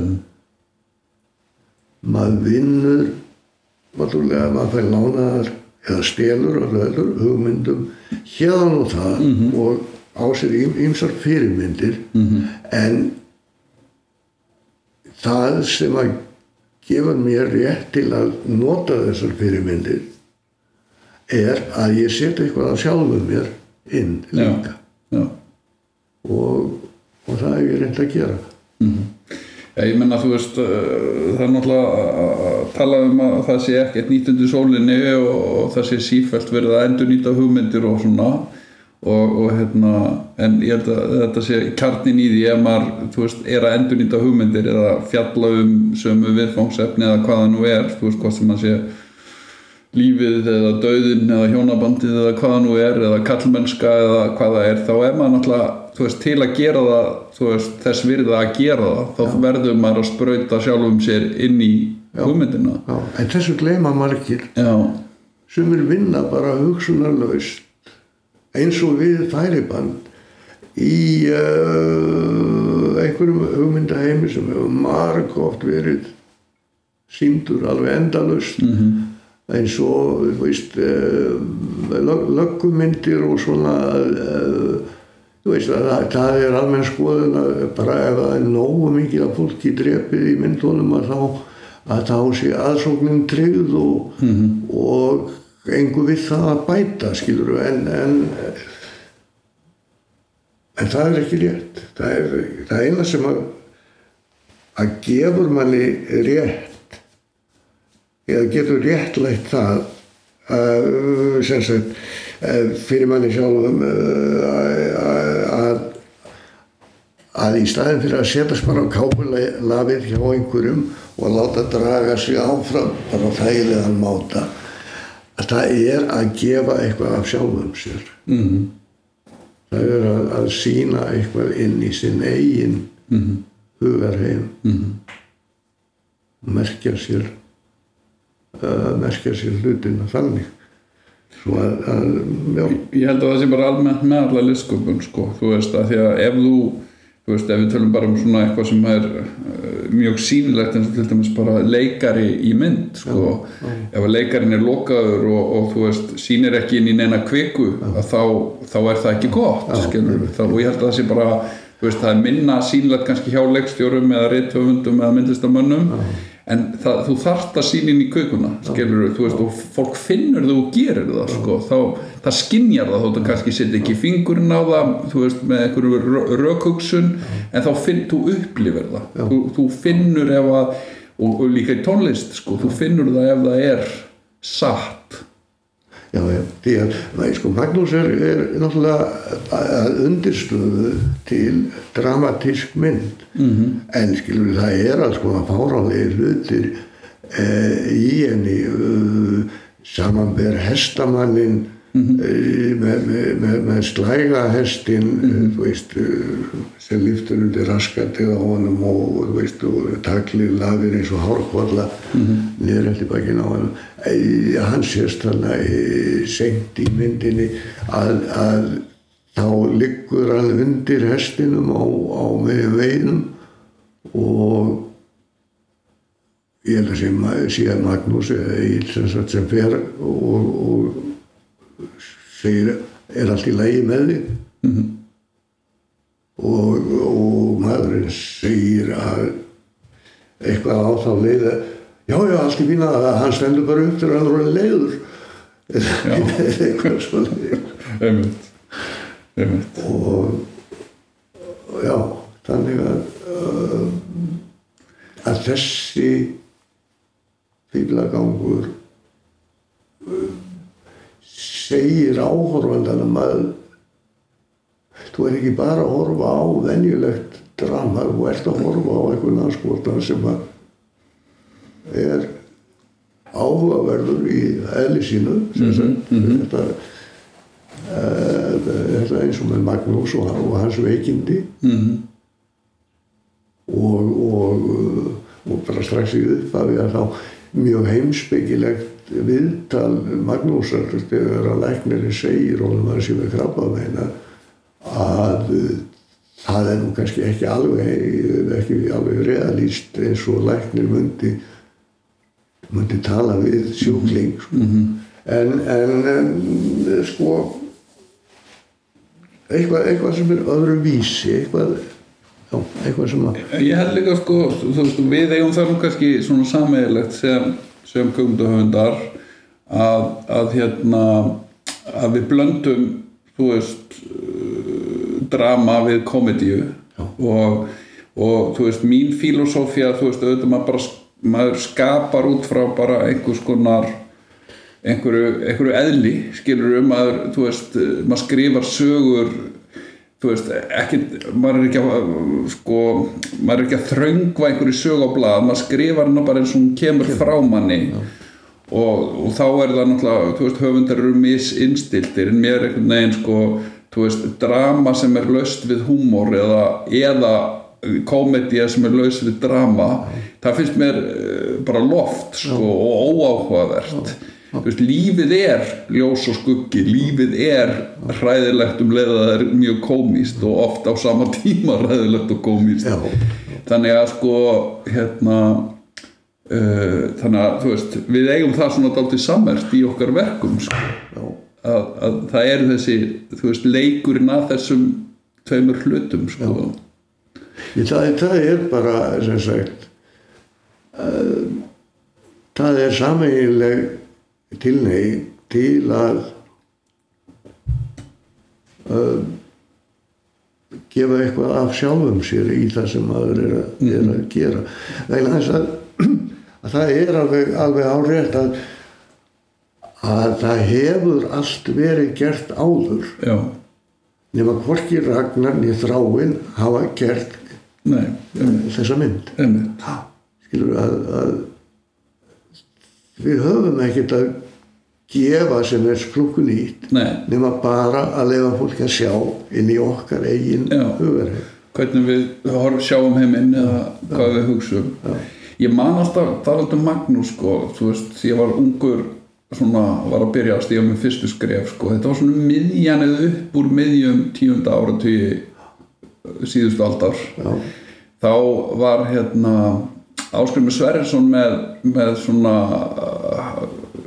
mánaðalegt eða hvort það var annarkot mánuð hérna heit Land og Sinir já, það var svona tímaritt um íslenska kveikmyndagerð og hérna og uh, Áskrimi Sverrisson ánum miklar þakkir skilið fyrir sitt eigingjarna starf bara að halda utanum bara bara fréttir og, og umfjallun og annars líkt en allavega þetta blað kom út hérna nokkuð reglulega á þessum tíma. Og hann byði mig um að, að sitja í einhverjum svona hóp það var hópur manna eða hópur fólk sem að átti svona þetta var, þetta var svona gert til skemmtunar að fara í gegnum þá kveikmyndasöguna sem að uh, á þeim tímur kannski orðið 15 ára gömul Já. á Íslandi Já, rétt rúmlega. Að svona, þetta var svona að finna þú veist, hvað, hvaða myndir standa upp úr á þessum 15 árum. Já, og niðurstaðan úr þeim hópa svo mynd sem að, sem að svona, hérna, stóð mest upp úr eða svo, svo, mynd sem fólk hérna, taldi besta innan gæsanlappa, þetta var nú ekki vísindalega, þetta var meira svona til gammalt gert, var Magnús. Já, og hérna og ég man alveg að þetta svona olli sko smá viðbröðum sko innan úr geiranum. Já, já, sko niðurstað okkar var Magnús svona þú veist þetta var svona einhver, ég man ekki að eitthvað útsláttar form á þessu, þú veist já, já. keppni í, í listum. En Magnús eins og kemur niðurstaðan sé besta mynd Íslands sögunar fram, fram að því. Já, frábært. en, en það varð alveg svona þú veist, ég nefn ekki nöfn en það varð alveg svona Já, já. skjálti Já, já, ási og, og, og fleiri þáttar sem koma að þessu að því að við vorum nafngreindu já, já, já, já, fengi alveg símtöl sko. Já, já. Ég veit, ég hérna gerir mér alveg grein fyrir því. Að því að, að skilur að svo, Magnús er aldrei sko hreinræktað alvarlegt drama. Nei. Svo að, að hérna auðvitað er þetta þá bastardur að einhverju leiti -hmm. og, og hérna en hún er bara minn bastardur og, og allt í góðu með það en svo að, að, að hérna ég, ég veit það að eh, hún, að þetta þetta fekk svona misjaflar undirtektir en aðalatriðið var og hefur alltaf verið það er mikla nöðsynja mála på aðsókn líka. Já, svo að, að skilur ef ég má velja á milli góð, góðrar gaggrinni -hmm. og góðrar aðsóknar -hmm. tekið góða aðsókn hvaða sem er. Einmitt. Þetta er aldrei áhært líka sko, veist, þessi umræða því að veist, uh, hérna, maður hefur séð sko, ég man, að- man á þessum tíma sko, þú veist, þannig er ég ungur kveimda, þú veist, bara 25-6 ára eða eitthvað sko, maður svona koma, komast inn í, í bransan og einhvern veginn, þú veist, maður er ekki með, hérna, hvað ég segja, það er ekki nepotismi neinstaðar, maður er drengur á vestfjörðum og eitthvað. En, en sko, maður fann strax sem maður er komin, þú veist, að, að svona andrumsloftið í bransanum einfallega vegna þess að, að þú veist, það er lítið um fjö og þú veist, lítið um styrki. Menn er að taka ofbáslega fjárháslega áhættu í fjármögnum mynda og annars líkt og það var rosaleg svona þú veist, samkeppni og svona, ég vil ekki segja rætni, en svona þú veist menn voru daldið sko í sikkur hotninu fannst manni sko sem höfundar eða sem sagt eh, leikstjórarnir. Þú veist, það var veginn, það vantaði menn voru ekkert mikið að hjálpast að oft sko. Var- þetta var daldið svona eh, hvað við segja, Nei, það var náttúrulega eins og alltaf að, að, að ef þú ert með of lítinn stuðning við eitthvað þannig að sumir fá og aðrir ekki að það, það er einfaldasta leið af öllum leiðum sem ég þekki til að komast að Írlendum -hmm. og það var það var ég, það væri synd að segja að andrumsloftir í bransanum og hafi verið hafi verið jákvægt og hvetjandi sko Já, einmitt hmm. Þetta hef mér, sko, ég, ég, maður fann þetta þótt að maður var svona daldið á jæðrinum en svo svona sem að gerist er sko, þú veist, á þessari völd, hún er nú ansi langt liðið á hana, hvort, hvort að, að vera liðið að þá verður svona einhvern veginn sko með nýjum kynnslóðum þá var það einhvern veginn miklu meiri maður fann alveg að fólk var meira samstiga og, veist, og, og, og mín kynnsló og kynnslóðum sem koma eftir veist, það er miklu meiri einhvern veginn svona uh, veist, hugmyndafræðilegur samgangur og samvinna í gangi. Við lesum handrið hvors annars og og, og horfum á klipp hvors annars. Þú veist höfundin það var miklu minnis þú veist þetta er heilbrið samkjörni fín sko en, en, en fólk er svona meira að hjálpa hvort, öðru og að því við erum öll að stefna sama marki það er einhvern veginn að, að halda lífi í einhverjum hlut sem að í rauninni ætti ekki í rauninni að vera til sem er íslensk kveikmyndagjör sko. en, en út úr þessu fæ ég að fólkið er alveg eins og það var mm -hmm. en skilur ástæðan þessi skortur og þessi miskipting mm -hmm. er ekki einn sterk Nei. það sem að það sem að sundrar fólki og kallar fram kannski það sem, það sem ekki er gott í farið þess að það það er ekki eins ríkur kvati til uh, hérna sundrungar mm -hmm. eins og Eh, eins og þessi mikla samkjæfni um eitthvað sem var að mjög skortnum skamti mm -hmm. svo að að við erum alveg eins og við vorum góð og vond mm -hmm. og sem bæri góð og vond ja. og, og, og svo leiðist ég að byrja mannkinnið að, að þróast það að það, það, það, það tekur óra tíma sko ha? frá Magnúsi yfir í engalíf og, og sigla heiminfleði sem koma svona um, sviparleiti þessi tvö verk uh, annað náttúrulega kveikmynd uh, síðasta kveikmynd sem hún gerir fyrir kveikmyndur sem er engalíf uh, og svo sigla heiminfleði sem er náttúrulega sjómasverk, lengra verk. Uh, kannski svona og þú veist, ef þú segir mér aðeins frá þessum tveimur verkum að því að þau eru þau eru sko ólík að einhverju leiti en þau eru líka að öðru leiti sko þetta eru svona fjölskyldu sögur Já, fyrir mér er, er sko enga líf að uh, mikil áminning um það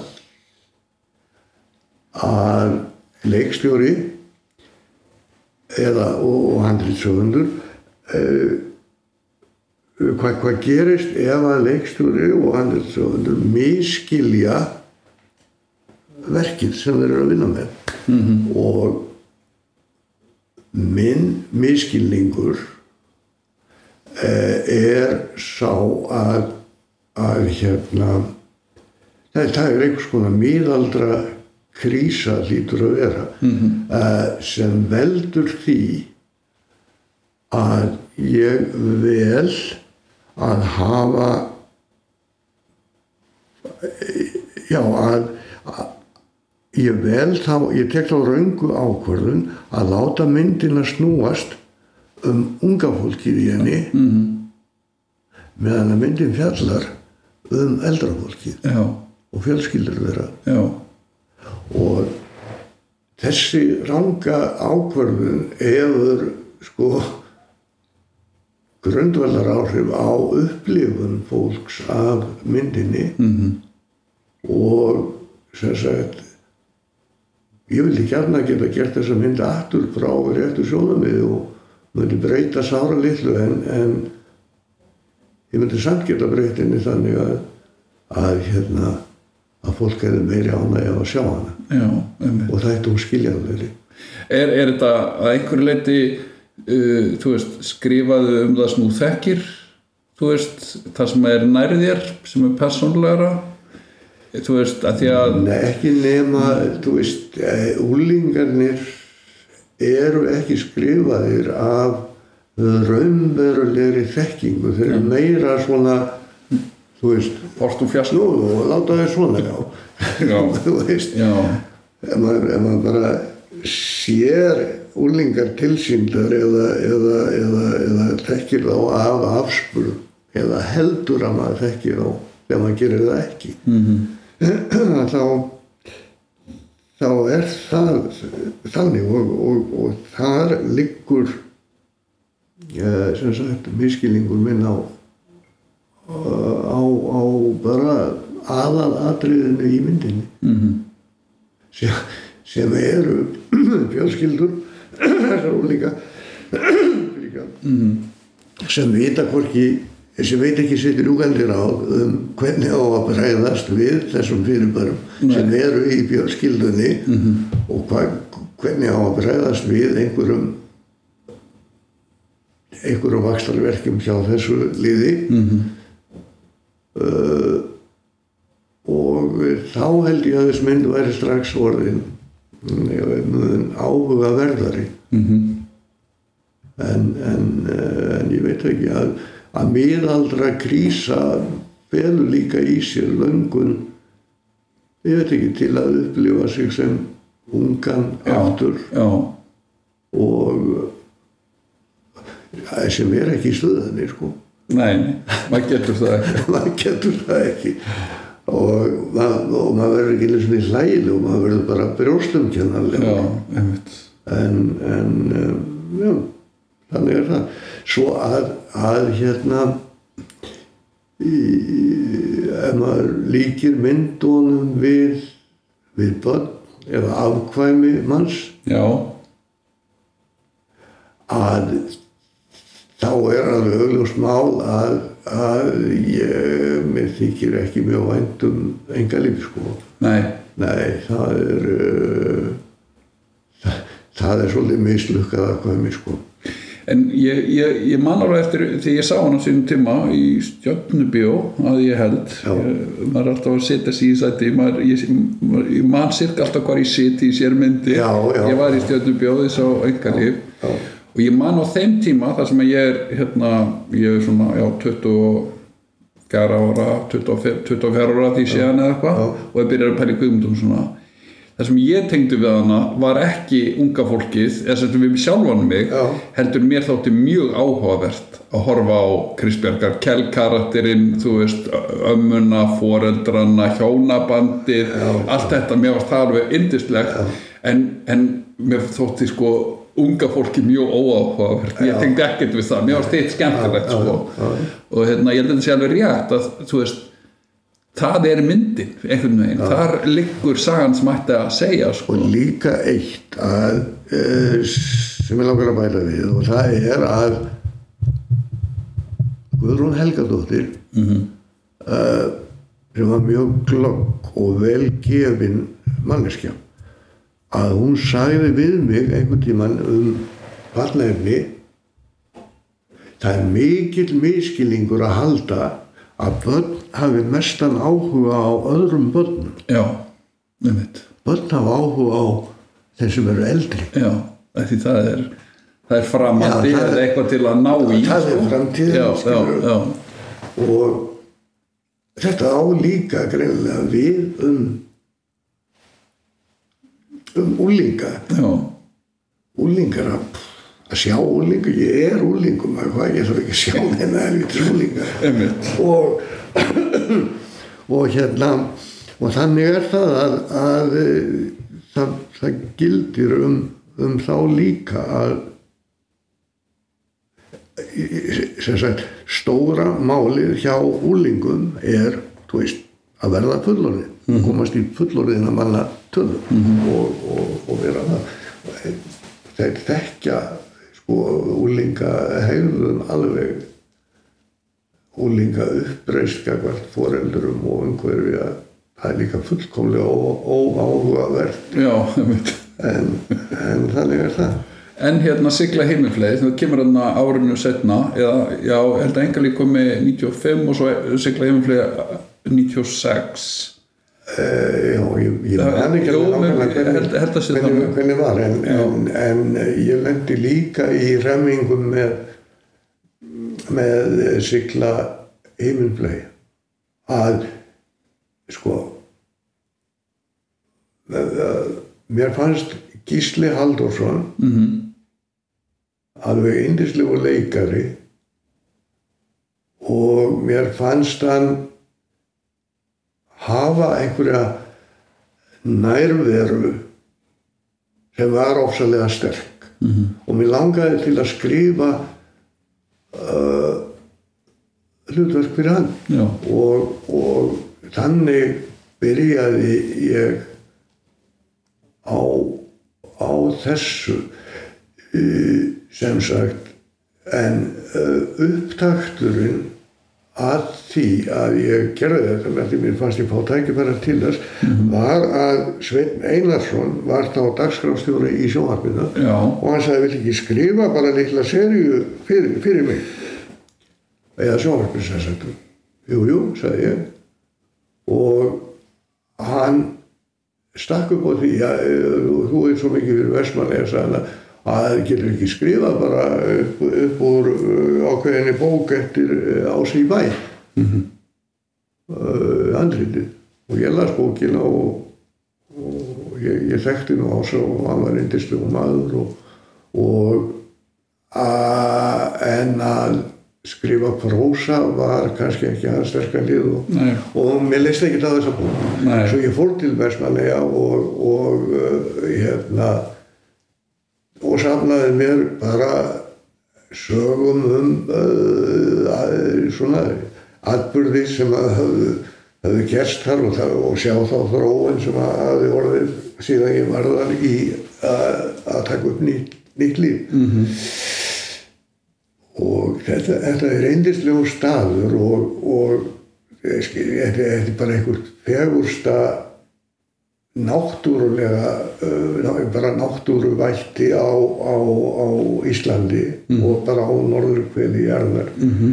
uh, með þú veist fuglalíf og þessar dásamlegu eigjar og, og, og allt þetta svo mér langaði til að breyta þessu og og, og, og Sveit sagði að það verið fínulega og ég gerði það, ég skrifaði handritið -hmm. og uh, Gísli var mér að segja uh, yfir lífandi með þetta og, og honum líka nú ekki hvað sem er. Uh, svo þegar að stóð til að fara í að gera þessa mynd uh, sem sagt á vegum sjónvarsins þá kom leikaraverkvall og bara á, á, á, á sem sagt á Norðurlöndum var það leikaraverkvall og það var ekkert úr þessu verkefni að það bara upp fyrir að fullt af, af fyrirhugum verkefnum hjá Norrænu sjónvastofunum sem að, að duttu upp fyrir á, á þessum tíma. Uh, og mér þótti þetta uh, náttúrulega svolítið erfitt, mm -hmm. sort. Uh, sjónvarpið uh, kom út úr þessari krík, ég man ekki hvernig þetta sjónvarpið, hvernig þetta uh, sko um, verkfall leistist en, en, en það leistist bara, uh, þú veist tíu myndum eftir að hefði, hefði þurft að vera leist -hmm. og uh, og ég held áfram í sjónvarpinu að pæla hvort það væri hægt að halda áfram með þetta prógram. Nei, það var ekki hægt svo að ég hafði frumkvæði að því og fekk uh, styrk úr norræna uh, sjónvarsjónum já, og þegar ég var með þann styrk að þá e, þá fekk, fekk ég sjónvarpið til að, að kaupa uh, seríuna fyrirfram. -hmm. En þá fylgdi þessi venjulega kvöld að ég skipti um alla leikara sem áttu að leika í myndinni, í myndinni. já, Uh, sko já og, og fekk nýja leikara í myndinni. Og mhm, þá kviknaði áhugin allur og, mhm, og, uh, og þetta var gert og uh, svo var hún sínd í sjónvarpinu, sjónvarpinu við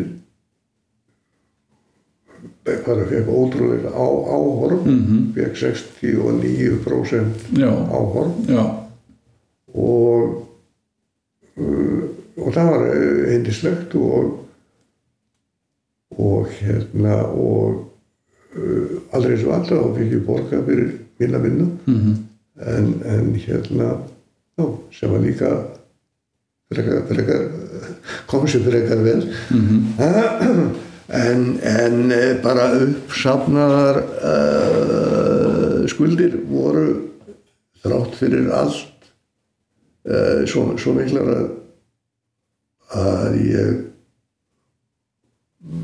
já, að ég fann að það var komin tími til að að skynnseminn kæmist að. Mhm, og uh, já, þannig þannig var það sem sagt að halda ekki áfram í þessum harða bransa á þessum kuldalega tíma já, já.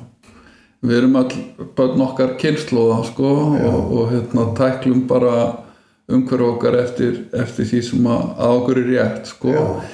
En mér þykir þetta áhugaverð saga með sigla himminflæði sem voru að nefna því að sko um, á þess að halda langa ræðu sko en, en fyrstu, þú veist, kvikmynda vorið og fyrsti áratugurinn og fram á annan áratuginn sko eða sem sagt nýjunda áratugurinn og fram á hann tíunda. Þá er, þá erum við einangur við treystum á eða sem sagt kvikmynda gerðamennir þeir treysta á áhörfundur að þeir komi og, og þannig uh, rúli boltinn og þú getur haldið áfram það er, það er mjög lítið um sagt sölur og myndum erlendis til dreifingar og, og svo framvegist þannig að við erum dálítið svona ég, ég vil ekki ára nota orðið sjálfbær en þetta er dálítið svona að minnstakosti einangrað á eigunni Já, já. það sem gerir svo upp úr 90 það fer að opnast gluggi út í heim. Þar sem að, að við þurfum í rauninni ekki lengur að reyða okkur engungu á íslenska áhorfandan og, og fjöldan sem mætir til að kaupa sér miðan heldur það verður til sagt, þessi alþjóðlegi gluggi. Við fyrir að fjármagna verkin meira erlendis frá og treysta á sölu erlendis á verkon til að jafn út sko, sem helst náttúrulega kannski hendur við, við fjölda ára veist, þannig að þetta er allavega gerlegt. Við finnum nýja leiði til að þetta verði gerlegt. Já, já, já, en sjónvarpið sagt á þessum tíma þegar kemur að sjónvarserjum að þú veist allt sjónvarp sem er framleitt allt leikilefni sem er framleitt í sjónvarpi fram til þessa tíma sem þú nefnir hérna 95-96 er annarkort, er, er sko bara bein framleysla sjónvarstöðuna sjálfra hvað sem að það er stöð 2 eða ríkisjónvarpið sem í rauninni ef það á að leggja út í leikið efni uh, hvað sem að þessi eitthvað lítil gamanserja eða stak stök sjónvarsmynd að þá kemur það beint úr vasa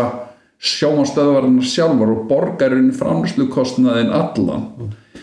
Uh, það sem að, þú ert í rauninni nefna er þarna sko, þú veist, ég, nú, nú hef ég ekkert fyrir fram mig í, í staðrendum en ég ætla að þetta verk, Sigla heimafleið sé fyrsta verk sem fær styrk úr Norrannu sjónvarsjónum til að gera sjónvarsserju á Íslandi. Mm. það verður, og Norrannu sjónvarsjónum er náttúrulega ungur á þessum tíma þannig að allt í einu sko er að opnast gluggi og rúfirunni bara að koma með að kaupa á síningarétti eða eitthvað slíkt. Það er ekki fyrir nokkur mánu setna að við förum að framlega sjónasefna að einhverju marki. Það, en, en sko sigla heiminflegi mann þegar það kemur að það markara svona ákveðin skil fannst mér að það er fyrsta skipti sem og, og vinsallum náttúrulega endur speklaða að það er þörf fyrir sögur á þessu miðli líka í sjónvarpinu sem er ekki svona að því að þú veist fram til þess að var þetta svona það var eitthvað gert þá var það svona þú veist, einhverjar grínsketsa serjur eða eitthvað svona, þú veist eh, lítið komist, mjög lokalt sko. Uh, en þarna kemur saga af okkur af, af þú veist, einhverjum, einhverjum afkima samfélagsins sem bestumann er fjölskylda og svo framvegist þú veist, ástur og orlog og, og lífið skiluru og hérna og þetta er svona fyrsta serían sem ég man eftir sko sem að emitt er ekki sem er bara drama. Í rauninni, þú veist þetta er dramatíserja þótt hún sé alveg létt leikandi og köplum og allt það, þá er hún þá er hún það sem að Danir voru líka að gera á þessum tíma, það sem að Danir eru að byrja að gera sjónseríunar sínar. Þannig að sko hún markir þetta alltaf svona upphafið fyrir mér að íslensku sjónvarpsumri í skiluru að þannig er allt í ennum glugginn að opnast sko, en núna frumverk skiluru, þú veist. Já, það, mér finnst þetta mjög spennandi sko að því að uh, kvikmyndaformið í sjálfum sér, sérstaklega lengd kvikmynda sem að var þú veist, allt lengra en tveir tímar var vesen og áhorfendur ekki vanir mjög löngum myndum og svo list. Mm -hmm. Þessi tímarami gerir það verkum að upp á að, að fylgjast með dramatískri framvindu og breytingum á karakterum mm -hmm. er mjög lítið sviðrún. Mm -hmm. Þegar um leiðum að koma með kannski fjóra-fimm klukkutíma Já. þá er hægt að umgákast personunar sem maður að, að nota mm -hmm. á allt annan hátt. Gefa fyllri mynd af þeim og, og hérna og, og sína betur þannig að áhörfandin skinni betur sagt, við hvaða vandamáli er verið að glýma hérna í myndinni. Þú veist í uh, samkvæmt í dramatíska lögmáli að að maður þarf fyrst að stilla upp einhverju vandamáli og síðan að við það og, mm -hmm. og, og, og svo að leysa það mm -hmm. sem sagt að hérna e, e, vandamáli er að hrekja einhvern auðmingja upp í tré og henda svo í að þá gerði hann þetta niður úr trénum mm -hmm. að, að það þetta er grunn eðli allra dramatíku en, en hérna sem sagt að þá er komin tími til og svo, svo er skilur við síðan síðan ef ég sér náttúrulega sko uh, þessi seria mín að, á svona að henni er stólið að einhverju leiti frá uh, allavega stemmingunni í henni er stólið frá Erik Balling mm -hmm. Matador Já, einmitt. Og, og Erik Balling var alveg stórkostlegu leikstúri og, og hann skildi náttúrulega þessi stórkostleg spór hérna að gera 79 stöði Já, já, algjörlega. Já. sem er náttúrulega bara svona fyrsta bíómyndin hérna sem að, viti er gerð skilru og, og það er alveg stór hún, þetta er stór merkileg mynd að því hún heldur ennþá, hún er alveg þú veist Veistu hvað Guðlaugur Rósingrans borgaði honum í kaup fyrir 79 stöðinni? Nei. Hann sendi honum tvo hesta. Já. Ísl, íslenska hesta. Ég var alveg í vandraðum sagði, sagði Balling við mig. Já.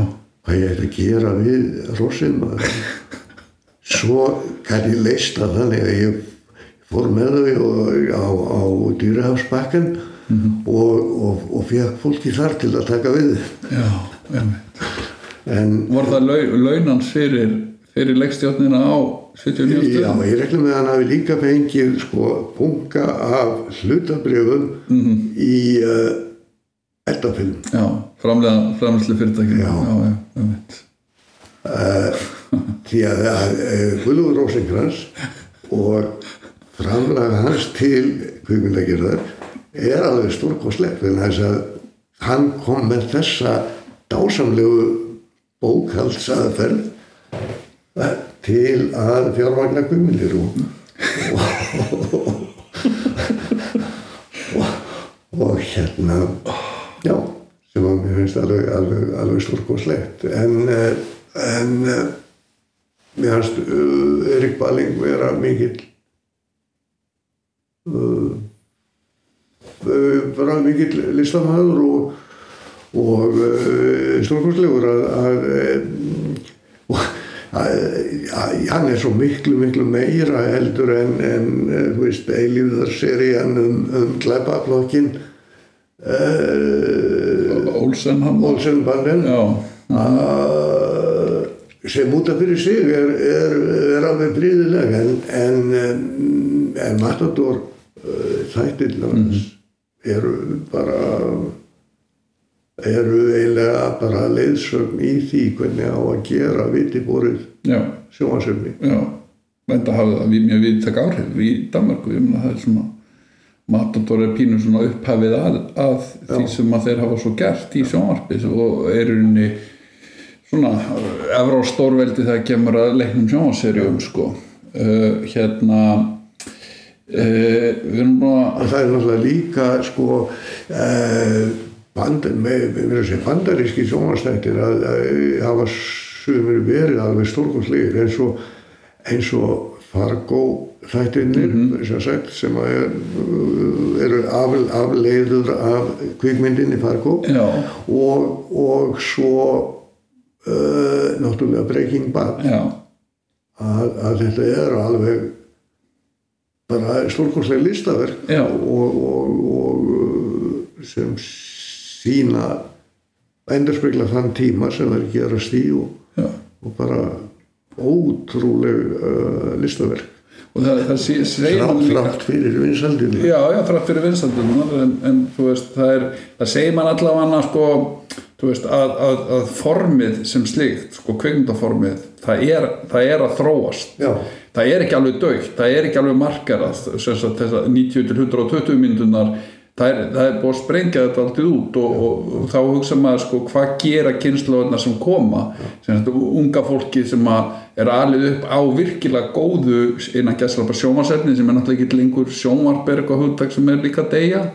Þú veist þetta er bara að, að, þetta er að þróast og, og það er komið eitthvað svona veist, sem er, sem er sko mjög jákvætt að, að við erum ekki lengur bundin í eitthvað niðurnjörfa form. Þetta er að opnast for, frásagnar formið þú veist, kannski helst að hendu að skaldsagan kannski hefur verið svona á niðurleið í vinsældum og, og hérna uh, sjónvarserían endur spekla skáldsöguna miklu meira heldur en kvikmyndin endur spekla skáldsöguna að því að sko kvikmynd og skáldsaga eru, tvö- er form sem að ganga ekki sérstaklega vel saman sko. Þannig að, að, að, svona lengra, lengra form er að finna sér nýjan farveg sko. En má ég segja þér eina sögu í viðbót til að, að eh, undirstryka að, kvikmyndasaga mín er alveg þvótt ekta tragedía. já, Það er alveg rétt sem hún segir að, að um aldamótin og kannski aðeins fyrir þau er að opnast möguleikar fyrir íslenskar myndir að ferðast. -hmm. Og auðvitað áður ég hætti í þessum bransa að þá skoðaði ég það uh, vel og vandlega hvort að ég geti átt einhverja framtíð fyrir mér með sko, erlendis með því að selja einhver verk eins og að það var heilmikið lettispun mjög víða eftir Magnúsi. Eh, Þá uh, hérna þá gerist það að ég bæ uh, umbóðsmenn til að selja myndir eftir mig og málið er að þessir umbóðsmenn voru ótrúlega duglegir að, að selja og gáttu selt myndir á, á alls konar stöðum. Því að á þessum sama tíma er það að gerast að stöðvarnar er að verða minni og minni og staðbundnari og, og staðbundnari. Að kvikmyndagerðin færist eh, út um löndin í staðin fyrir að hafa kannski eina miðju að eina þunga miðju og það sem allar ákvarðanir voru teknar að, að þá fjölgar þess og þá mm þá minga um leið náttúrulega hvert svæði sem er selt til og þá minga peningarnir sem kom inn. Mm þá þarf að selja víðar. Þessar ágættu umbúsmenn sem að ég hafði sem voru tveir normenn og einn dani -hmm.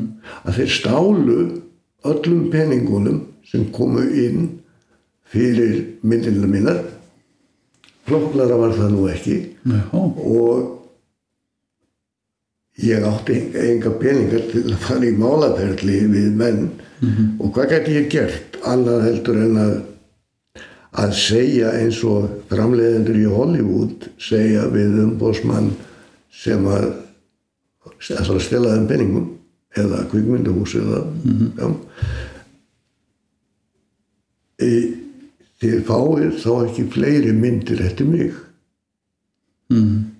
Þegar Hollywood segir þetta við einhvern umbósmann þá er það reyðarslag þegar ég segi eitthvað svona við umbósmann þá er svarið já, ætlum að verða ekki að reyna að lífa við það. Þannig að þetta er einn samfelt harmsaga þegar að öll spilin koma saman í stoknum já, einmitt. En ég, en, en við getum talað mjög lengi um, um sko, þú veist, uh, þennan, þennan bransa og, og hérna, þú veist, höfundurinn versus hrægamurinn og allt þetta. Ég geti sagt þér margar sögur en, en ég held að, að, að hérna, við látum staðanum með það.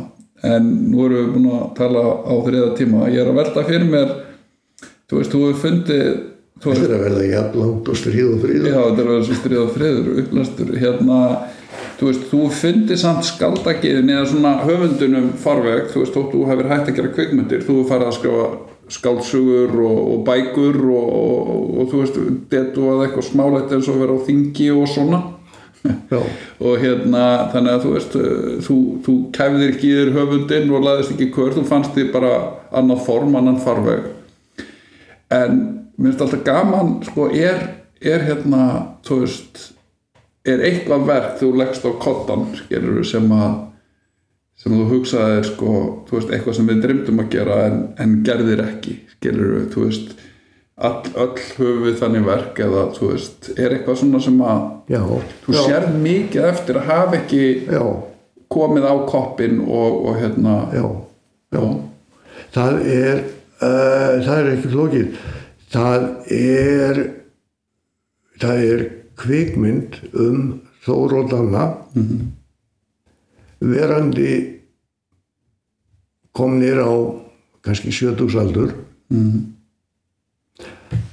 Hvað verður um höslera sem er allt í hennu orðir gamlir skilur þau, gíktin er komin það er komin einhver kannski ábyrðartilfinning sem er bara óþægileg og það er efasemdir um að það sé hægt að hösla svona endalaust. Þetta er hundalíf og, og, og erfitt sko. Og að maður er ekki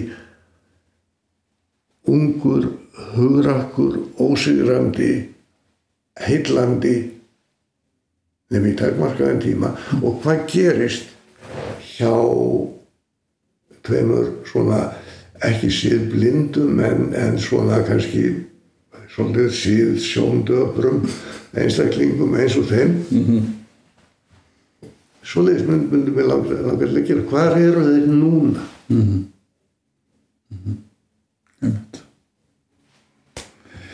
Herðu, þetta er komið út í kosmosin já, já, og hérna og, uh, og það er nú líka með, með hérna hvað sem að mynd, þessi mynd verða veruleika ekki þá held ég að, að sko flestir sko sem hlusta hafa nú séð myndirnar og geti jáfnvel ímynda sér hvað gerist sko því að nú þekkjum við þessar personur mjög vel og, og hérna þetta eru, þú veist, hérna þetta eru personur sem að, í rauninu að þjóðin þekkjur og svona ástkærar personur sko og hérna leikarnir er ennþá lífi og höfundurinn og leikstjórinn er ennþá lífi þannig að hver veit þráin, ha, það er aldrei að en mér þótti væntuð á báða eh, sko, og þykir væntuð á báða eh, sko bæði personar og leikarana. Já, svo að, að, að, að ég, já, að ég verða alltaf svolítið dabur þegar ég hugsa til þess sem að aldrei verður.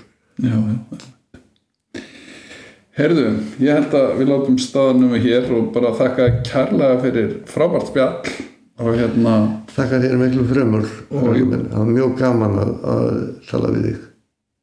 ég bendi bara öllum hlustendum sem að fættust á þessari öld að reyna að grafa upp myndirnar hans Ráins og, og hérna og kíkja þar en ég held að það er svona þetta er svona verk sem að lífsmyndirnar sem eru svona myndir sem að sko nýjar kynnslóðir stöður að endur nýja kynni við, kynni við sko grafa upp djefafdíadisk hér Ég, og að því að þetta var svo sásöng og full þessi tragedía um líf mitt að þá get ég nú sagt þér uh, góða fréttir að, að ég uh, er alveg samfærður um að það er mjög stutt í þann tíma að þessar myndir sem að fólk hefur einhverjum og sírulegi þú veist, tekið sér að hjarta mm það stýttist í það að það verði uh, aftur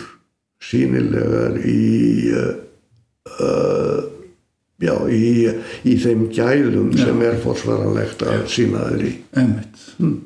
Svo að, að til þess er ég búin að gera ákveðna rástafanir og, og hérna eins og það stendur, það kemur allt í ljós. Það kemur í ljós. Herru, takk fyrir spjallið